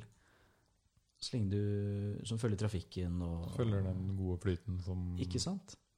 Det Ikke er sant? litt likt i Bangkok og India, følte jeg i hvert fall. Ja, kanskje. Ja. Det er veldig mye som skjer, men samtidig er det en veldig rolig flyt på Ja, det er- én måte. Det er sant, faktisk. Det er, det er, det er den samme typen trafikk. Mm. Bare følg flyten, og som ikke, ikke gjør noe uventa, så Nei. går det fint. Skal du rett fram, så bare følg etter de andre jævlene som Ikke kjører sant. rett fram, så går det fint. Ikke sant. Jeg jeg må jo innrømme at jeg, jeg gjorde noen forbikjørelser i, eh, i Thailand som jeg hadde garantert mista lappen for i Norge. Mm. Men som alle de andre guttene gjorde det. Nettopp. Ja. Nå har Northug vært ute på eventyr her òg, så det er jo folk som gjør ting her òg. Ja, s- Det er jo det. det er eventyr. Folk eh, tar jo sjanser i livet. Ja. Men, eh, men det er ett eventyr igjen. Hvilket er det? Eh, seileventyret. Ja. For jeg syns ikke Hardanger-eventyret er så interessant å fortelle om. Eh, men seileventyret eh, Har du hørt om statsråd Lehmkuhl? Nei. Det er Norges største seilskute. Den er 300 fot lang. Ja, fordi det var det jeg leste opp det her for noen venner. Og de bare Hæ, 300 fot? Ja, What the fuck? Ja. Er ikke det gigantisk? Eh, Jo, det er det. Ja. Eh, 300 fot lang, 1500 tonn. Eh, Jeg tror det er 48 meter fra vannoverflaten til øverste toppen av masta, Oi. som er ganske heftig. Eh, Jeg seilte med den først med folkehøgskolen i 2010 eller noe. Det var fett. Jeg tenkte det her har jeg lyst til å gjøre igjen. Så jeg booka meg på to turer. Først en tur fra Sør-Spania til Nord-Spania, som var en del av en regatta, som, som vi vant. Eh, Det er fett. Og så det de kaller en shantytokt fra Nord-Spania til Dublin. Um, og første biten var latterlig fet, som når du har en enorm seilskute, 150 i mannskap, og du må krysse. Det er sånn folk som roper og løper fram og tilbake og drar i tau, og svære bommer som flytter seg, og tjo og hei, og dårlig vær og sånn. Kjempekult. Hva gjorde du da? Dro i tau, stort sett. Ja, ja. Eh, ja, men altså, jeg, jeg var jo det de kaller trainee. Så du får, det er tre vakter. eh, rød, hvit og blå vakt. Helt tilfeldig, selvfølgelig. Eh, hvit er fire til åtte. Så da har du to eh, firetimersvakter i døgnet. Fra fire til åtte, to ganger i døgnet. Og det, er liksom, det kommer litt an på hva du gjør. da. Noen ganger så må du hjelpe med rigginga, f.eks.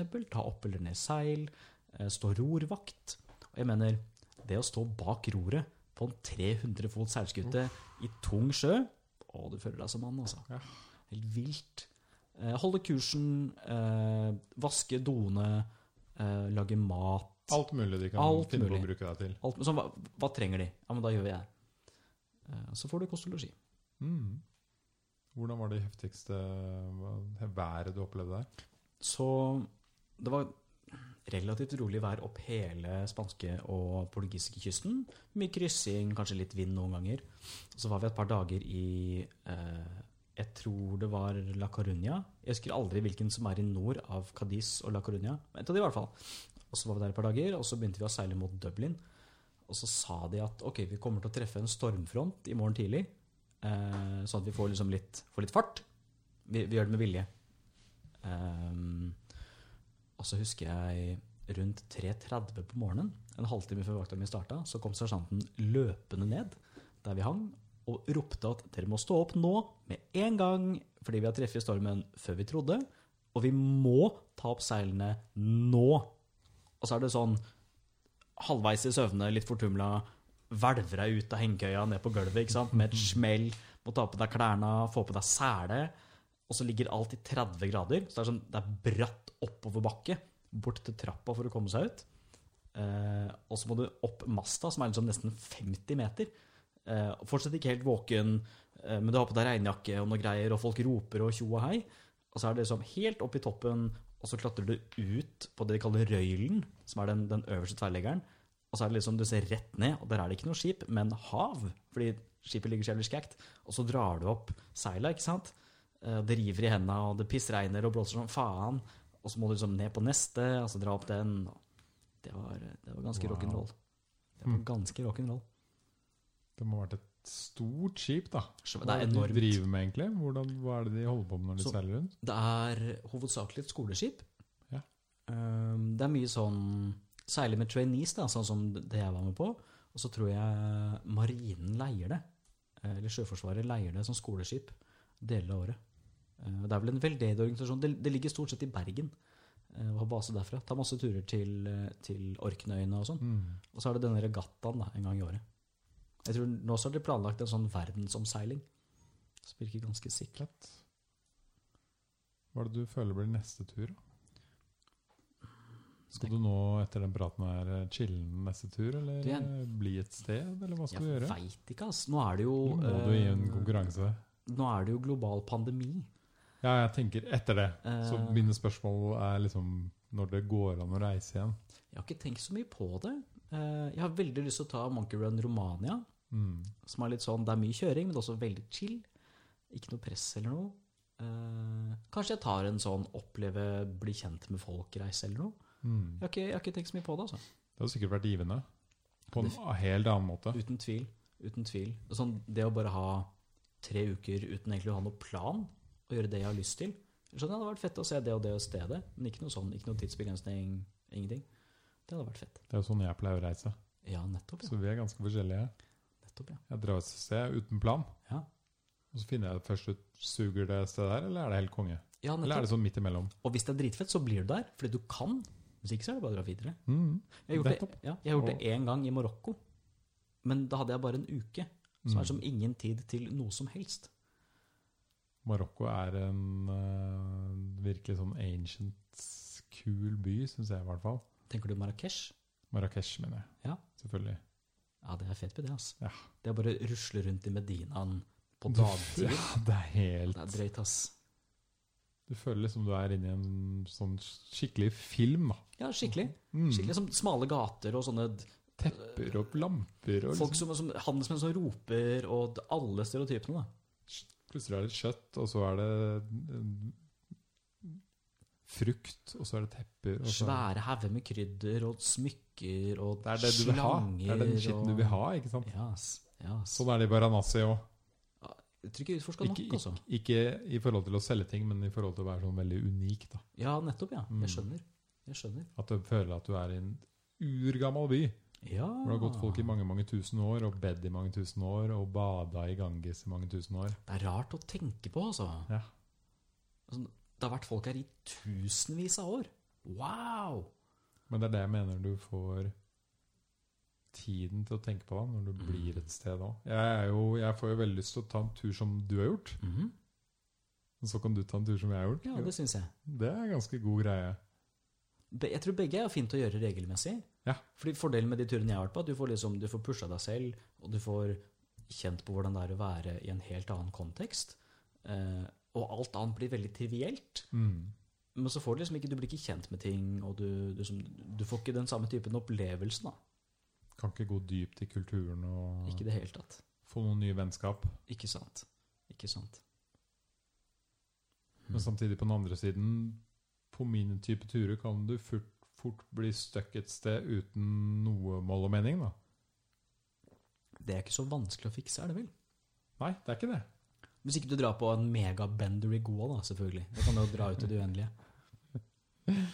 Jeg har hatt mine uker i Goa i livet. Metaforisk eller bokstavelig? Bokstavelig. Jeg har vært der i mange uker. Når jeg bodde i India, så var det sånn ah, jeg må gå til Goa. Nettopp. En helgfri. Vi, vi kjørte gjennom Goa nå på siste India-turen, men vi merka ikke noe av Goa-Goa. Ingenting. Du gjør ikke det når du kjører, for du er ikke innom alle strandfestene og alle Altså, jeg mener, hvis, hvis vi hadde sett noe, så hadde vi sannsynligvis bare kjørt forbi. Ja. Dessverre. Men vi, vi så ikke noe heller. Nei, du ser ingenting langs de veiene. Nei. Nettopp. Du må være in the know. Du, er, du, er liksom, du har den veien du sikkert kjørte på, og nedenfor har du de små, bitte små, koselige veiene på Men- stranda. Vi kjørte på de bitte små Dere gjorde veiene det. langs stranda. Ja, men du ser det- Ikke sant? Det er, der du, det er derfor du må være der i tre uker. Ikke sant? Og så er det Nord-Goa og Sør-Goa. Nord-Goa er fest. Sør-Goa er eh, superchill og mat. Ja, ok. Nettopp. Nettopp, ja. Kanskje vi bare kjørte forbi Nord-Goa på en dag. Mm. Sikkert for tidlig også på dagen. Det kan hende. Ja. Ellers var dere bare uheldige og ikke fikk se masse nydelige små hippier som sto og dansa på strandkanten. Sannsynligvis. Jeg husker Vi, vi kjørte litt innenlands, og så, og så prøvde vi å finne havet. Og så så vi, og så sa jeg 'Se, gutter! Havet!' tenkte de 'Wow! Havet!' Og dagens høydepunkt. Ja, wow. da veit du at du er på sånn intens tur. Ja. Yes. Nei, shit, Raymond. Jeg eh, har lært masse og syns det er dødskult å prate med deg. Og jeg gleder meg virkelig til å høre om de neste eventyrene du drar på i livet. Ja. Og jeg håper det er inspirerende for andre folk òg, Det hadde vært i å fett. tenke litt nytt i type tur man drar på. Så, så hemmeligheten her da, er at det er ikke så forbanna vanskelig. Nei. Eh, Jeg har jo sett den typen mennesker som, som fullfører turene gjennom India. Du trenger jo ikke være spesielt kompetent Nei. på noen måte. Det er bare å melde seg på, og så går det bra. Og resten ordner huet ditt. Uten tvil. Uten Ikke tvil. sant? Men så Er det ikke skummelt? Nei, ikke egentlig. Kanskje litt, kanskje det blir liksom litt skummelt noen ganger, men Det er litt spennende. det ordner seg, altså. Mm. Det er ikke noe problem i det hele tatt. Ikke noe problem. Og som vi sa, du møter jo hyggelige folk overalt. Uten tvil. Skulle det skje noe, så kommer det en hyggelig luring bort og bare du, ja, Hva er det dere holder på med? Det kommer sannsynligvis et par hundre hyggelige luringer ja, bort. det, det er det de gjør. Jo lenger ut av byene du kommer, jo flere mennesker kommer løpende og vil hjelpe. Det som slår meg med India, er at der det er en inder, er det alltid en inder til. Altså, jeg har gått langt ut i bushen i India Og det er jo folk der også. som et indere. Ja, ja. Vi var, vi var midt i ørkenen i Rajasthan. Bare, Der er en inder! Å ja, hvor er den andre hen? Nei, Å, der er den. Ikke sant? Alltid.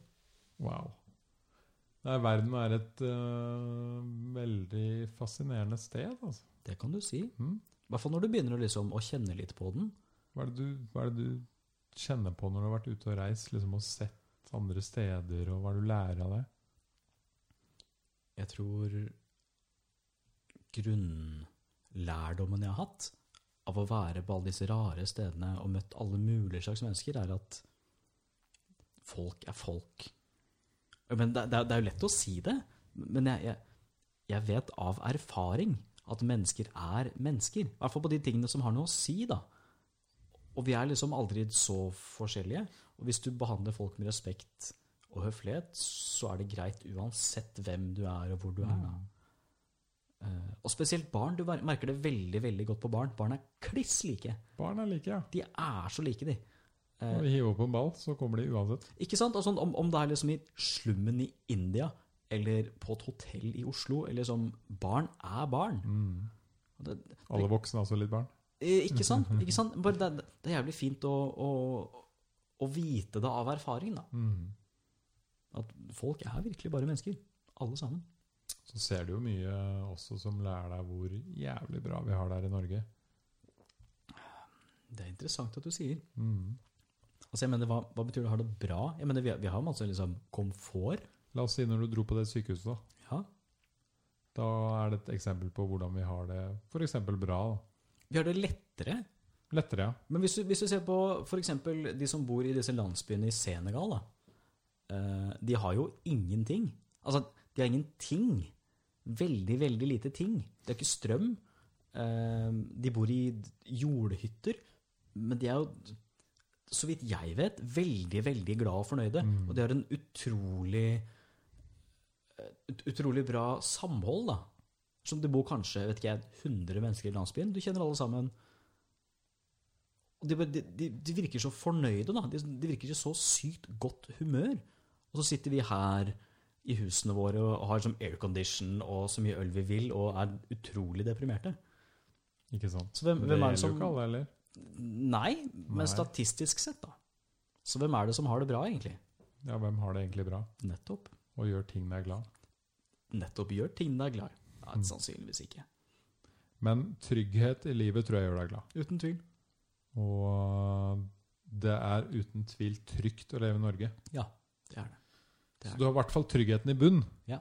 Men så er det jo nå de, det liksom eh, sosiale presset rundt deg. Og så er det at jeg, jeg, jeg tror vi er veldig isolerte. I hvert fall i Mm. Norge, hvor vi stort sett har veldig små grupper, og det, som, det å snakke med tilfeldige folk er kanskje litt sett ned på, eh, kontra i andre land. da. Så du har, liksom, du har veldig små kan jeg si, samfunn. Jeg, jeg, vet liksom- jeg, jeg vet ikke hvor mange venner folk stort sett har, men de har, som- de har ikke liksom Dette er min gruppe på 150, og det er de jeg kjenner, og vi er alle venner. Så, alle er ikke venner, selvfølgelig, men du skjønner poenget mitt. da. Mm. Jeg syns det er veldig interessant. Hadde vi som menneskehet hatt det bedre hvis vi hadde bodd i små stammer? I liksom, hvis vi hadde bodd i landsbyer da, istedenfor å bo i millionbyer, hadde mennesker stort sett hatt det bedre da? Jeg tror ja, det tror jeg. Kan være. Det kan være. Men nå er vel for mange mennesker til å gjøre det. Men er vi det? Jeg veit ikke. Hvis, vi hadde sånn- hvis, hvis alle Bredd ut alle sammen, menneskene. ja, ja, Vi har nok plass. Og det er jo så veldig Altså, jeg har fint- ikke peiling. Nei, det er jo fint å bo i byer. Og Liksom, du, du slipper å lage masse infrastruktur og, og spre det ut, men jeg tror vi hadde hatt det mye bedre i mindre samfunn. Min tanke bare, da. Mm. Etter å ha sett en liten del av verden. Det er en god refleksjon. Og Jeg har jo også møtt og jobba med lut fattige indre. Mhm. Og vært med dem hjem. Og de har bodd med seks, syv, åtte andre. Mhm. Og sovet på bakken. Og ikke hatt veldig mye ting. Men vært veldig glad hver dag jeg har møtt dem. Mhm. Men jeg har jo også visst at eh, Etter å ha vært der et år da, og jobba med disse menneskene et år, Mhm. så har jeg også skjønt at de har det ikke bra på mange andre måter. Hvordan da? Det vi snakka om med trygghet, f.eks. Mye stressa? Stressa over trygghet, helse, penger, ha Ikke et sted å sant. bo, jobb. Ikke sant? Det er faktisk 1000 andre indre som søker om den ene utviklerjobben han ene har. ikke sant? Ikke en overdrivelse i det hele tatt, ikke sant? Nei, det er ikke en overdrivelse. Det er ikke kødd. Mhm. Og hvis du blir fattig indre, så fattig og ikke har jobb i en by i India, så er det jo helt fucked. Mm, mm, mm. Du kan ikke gå på Nav og bare jo, jeg trenger noen penger, vær så Du snill. kan ikke det. Ikke at det er så litt i Norge, men vi har det i hvert fall. Mm. Det er vanskelig å nå virkelig bånd, da. Så jeg vet ikke om de på en måte har det eh, bedre eller dårligere enn oss, men de har Mm. andre typer problemer og lykke, da. Nettopp. Nettopp. Og det er jo alltid to sider av en sak. Jeg tror eh, en veldig god kilde til lykke er jo å få bedre problemer. Det kan hende. For jeg mener, du har jo alltid problemer. Uansett. Men få problemer som er som å- lettere å håndtere, lettere å leve med, er jo, det er jo helt konge. Det at vi i det hele tatt kan sitte og snakke om det her i dag inn i en eh, mikrofon til 9000 kroner på en Mac der borte Vi har jo, vi har jo ingen problemer. Nei, vi har ingen, problemer. Og det er derfor man må reise. Eh, ja. Ja. For å få litt perspektiv. Ja. Det er jo mange som sitter og sutrer over bedre, mer behagelige, lettere problemer etter liv enn det vi har. Mm. Tror du det hadde hjulpet hvis jeg hadde Hadde, hadde liksom den typen mennesker skjønt greia hvis jeg hadde reist? Ja, men da måtte de vært der over en periode, tror jeg. Ja, ikke sant. Nettopp. Hvis du drar til India Jeg, jeg kjenner jo mange folk som har dratt til India, og så har de vært kun ett sted med kun de samme yogamenneskene. Mm. Så det jeg kaller for nesten sånn White India Oh, yes. eh, spots, Mm. med veldig sånn superøkologisk mat. Og, så, Mm. og jeg har eh, besøkt disse stedene og bare What the fuck? Det her er jo ikke i India. Jeg mener økologisk mat. Mm. Det Du kan ikke gjøre det i et land med 1,3 millioner mennesker. Nei. Med Milliarder mennesker. Det, det går ikke.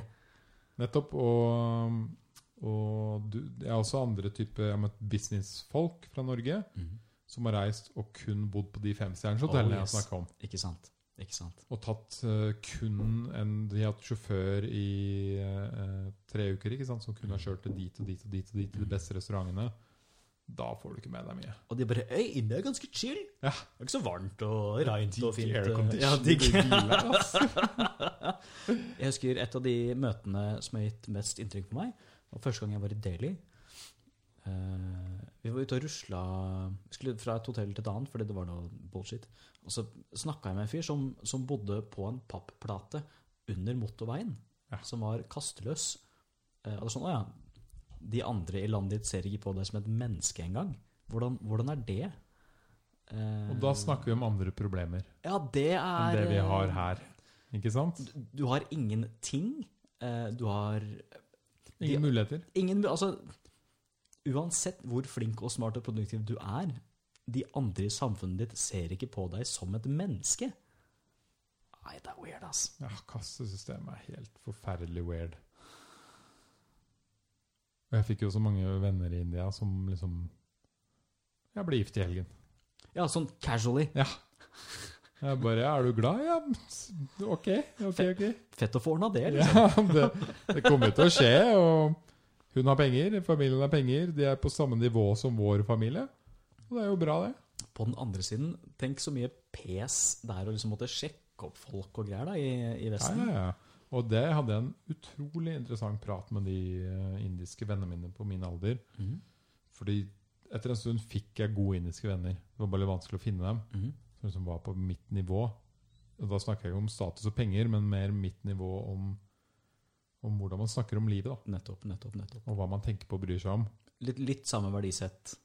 Litt samme. Ja. Eh, og å kunne gå på en fest og kunne liksom gjøre litt samme ting som meg. Vi, vi Mm. synka litt, da. Mm, mm. Og Jeg husker vi snakka om det, men det er sånn arranged marriage, Nettopp. Mhm, organized weddings. Og de bare Jeg bare Er ikke det jævlig kjipt? Og de bare Nei. Fordi du har visst det siden du ble født. Ikke sant. Du har tenkt på det hele livet. Og du har blitt eh, Du har funnet deg til ro med det. Mhm. Alle de andre gjør det. Alle de andre gjør det.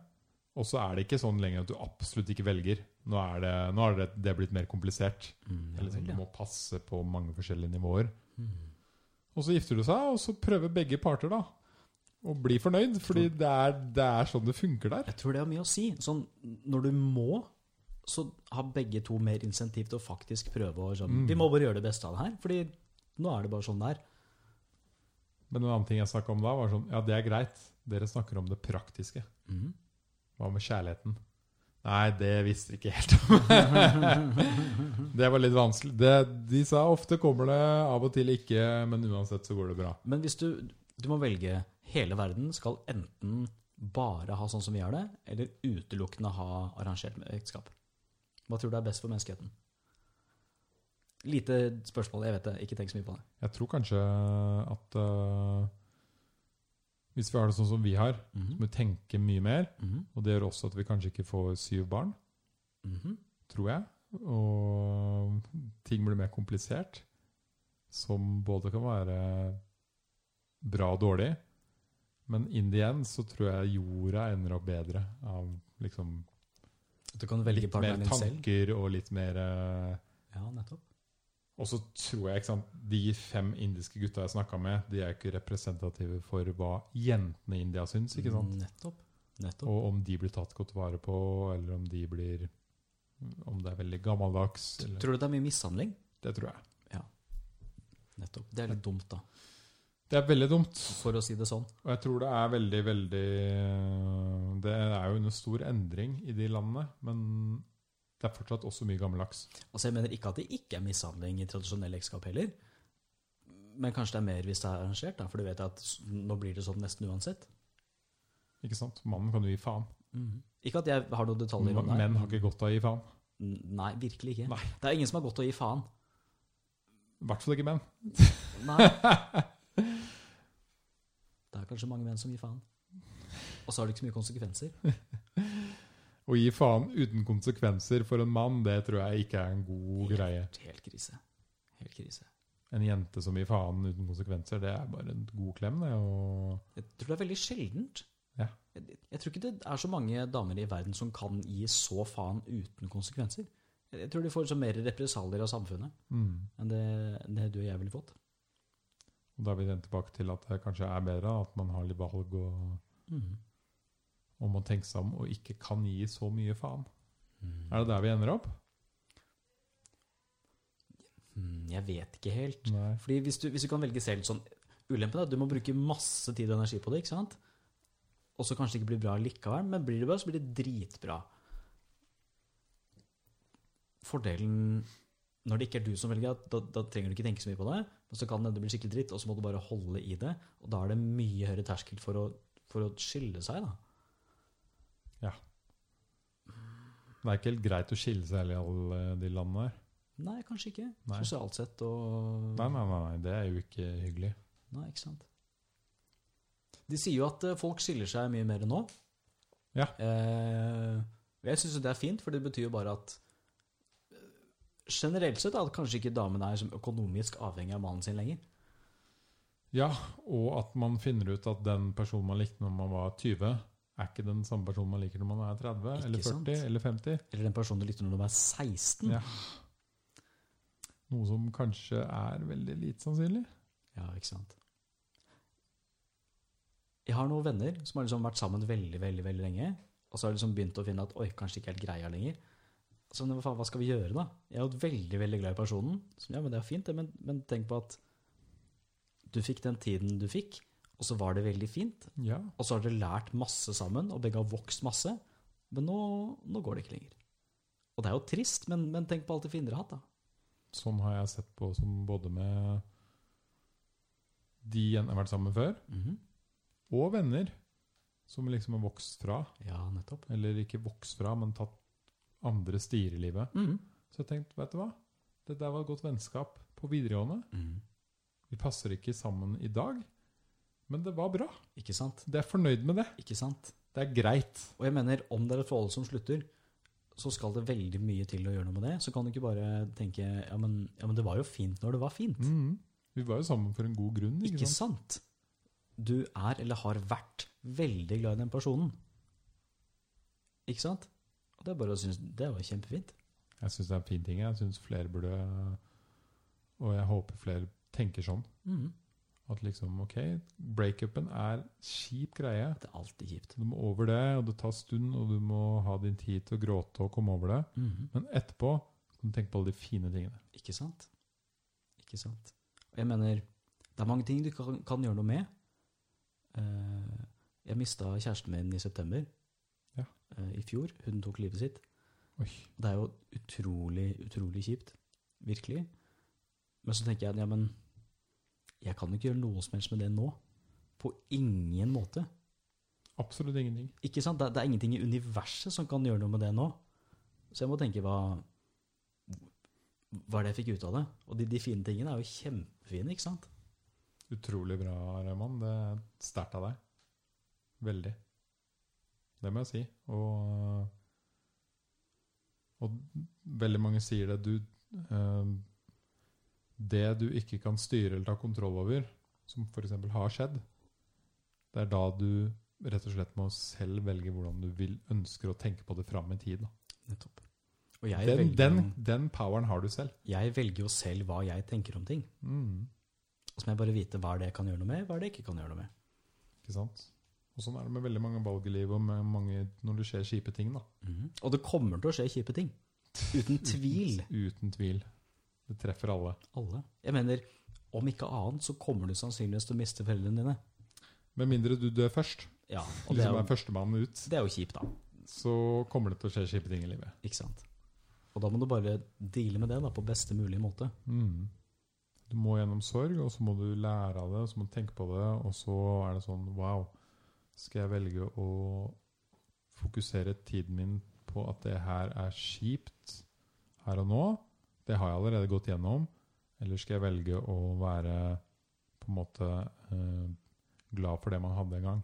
Ikke sant? Ikke sant? Fordi når det har skjedd, så kan du ikke gjøre noe med det. Du kan ikke det.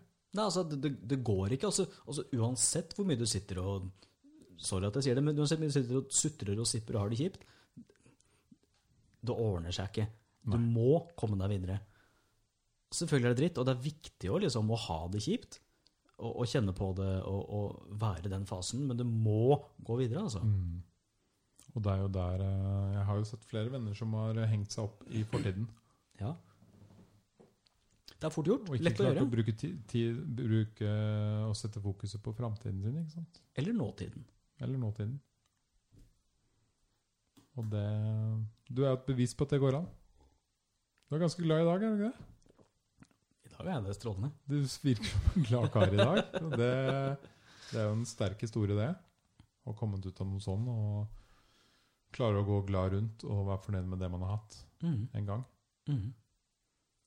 Og ikke minst vite at det som har skjedd, har skjedd. Det som har skjedd, har skjedd. Og i livet så er det en, en ting som er sikkert og visst, det er at shit happens. Ikke sant? Jeg har jo snakka med folk som eh, har gjort veldig dumme ting, eh, og har blitt straffet for det. Eh, og da sittet i fengsel, da. Eh, gjerne en del år. Og så snakker jeg med de etterpå. Og sånn, ja, men du kan jo ikke gjøre noe med det nå. Det, det har jo skjedd.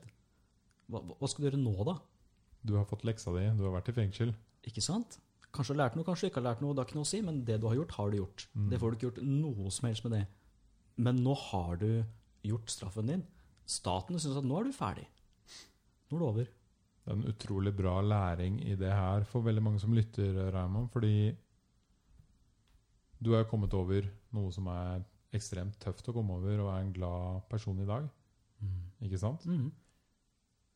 Og det er mange jeg ser der ute som har eh, utfordringer som er mindre, som henger igjen i fortiden. da. Som ikke klarer å komme seg videre. Veldig fort gjort, altså. Det er det. Henge seg opp i sånne ting. Men hvis ikke du kan gjøre noe bedre, så kan du ikke gjøre noe med det. Nei. Og det å innse at ja, men du kan ikke gjøre noe med det. Du kan skrive det opp på en lapp og henge det over senga di. Ja, d- ikke sant? Bare for å liksom Ikke sant? stå opp med det hver dag da, og komme deg videre. Altså, nei, men det er jo ingenting som blir bedre at du sitter og syns synd på deg selv. Nei. Da, det- igjen, det er veldig, veldig viktig, veldig viktig å ha den perioden hvor du, hvor du kan synes det er kjipt, og snakke med folk eh, og, og være i sorg, da, virkelig, og få behandla det. Men etter en stund så må du bare komme deg videre, altså. Mm. Uansett hvor kjipt det måtte være. Ikke sant? Og så kanskje du liksom har det litt kjipt en dag nå og da og tenker på det. Alle har det. Og det er helt Alle har greit. det. Sånn er det bare, ikke sant? Mm. Men i dagliglivet, ikke, ikke la det ødelegge, altså. Veldig bra. Tusen takk for praten her, Emma. Jo, eh, bare hyggelig. Takk selv. Jeg tenker vi avrunder her med liksom nå som vi kom nesten inn på det filosofiske og, La oss. og fine livet, og det var en veldig fin avslutning. Jeg er veldig glad for at du kom hit i dag. Jo, hyggelig at jeg fikk komme. Ja. Sitte her og prate piss i et par timer. Det er helt topp. Jeg vil ikke kalle det piss i det hele tatt. Nei, kanskje Jeg vil var det kalle det en veldig god samtale. Mm. Og hvis folk vil på sånne eventyr som du har vært på, hvor er det man, hvilken, hva er det du sa det het? The Adventurist. Bare google The Adventurist Mm. eh, og meld dere på hvilket som helst eventyr. Laveste terskel er, eh, er Rickshaw Run. Det er en del av de i år i forskjellige steder. Det bare meld dere på. Ikke bare gjør det nå med en gang. Mm. Book ferie, meld dere Ikke på. tenk, slutt å tenke på det. Ah, Sorry, ikke nå, når det er pandemi. Ja, ja, men Eh, når vi snakker om, vi snakker om det, skulle det ikke vært det. Ja, Og la når- oss si at det når ikke er slutt, pandemi. Gjør det med en gang. Bare Mm. gjør det. Det er ikke noe, det er ikke noe skummelt, det er ikke noe vanskelig. Slutt å fuckings tenke. Slukk og fuckings tenk. Trykk meld på, og reis dit og gjør det. Og så får du livets opplevelse. Rett og Og slett. så kan du ta neste ferie som, sånn som jeg gjør det. Tenk å gjøre én ting, og så blir alt annet lettere. Mm. Du kan kjøre nå helt til nord i Norge du, uten å tenke på det. Uten å engang. tenke på det. Faen, Det er ikke noe Null stress. Null stress. Null stress. Herlig å ha deg her, Raymond. Eh, hvis dere likte episoden, så skriv gjerne en hyggelig review i eh, reviewfeltet. Og Raymond, hvis du er på noen spennende eventyr i framtiden, så send meg en melding, så skal jeg invitere deg tilbake hit. Strålende. Det skal jeg gjøre. Veldig koselig å ha deg her. eh, og god helg. God helg, ja.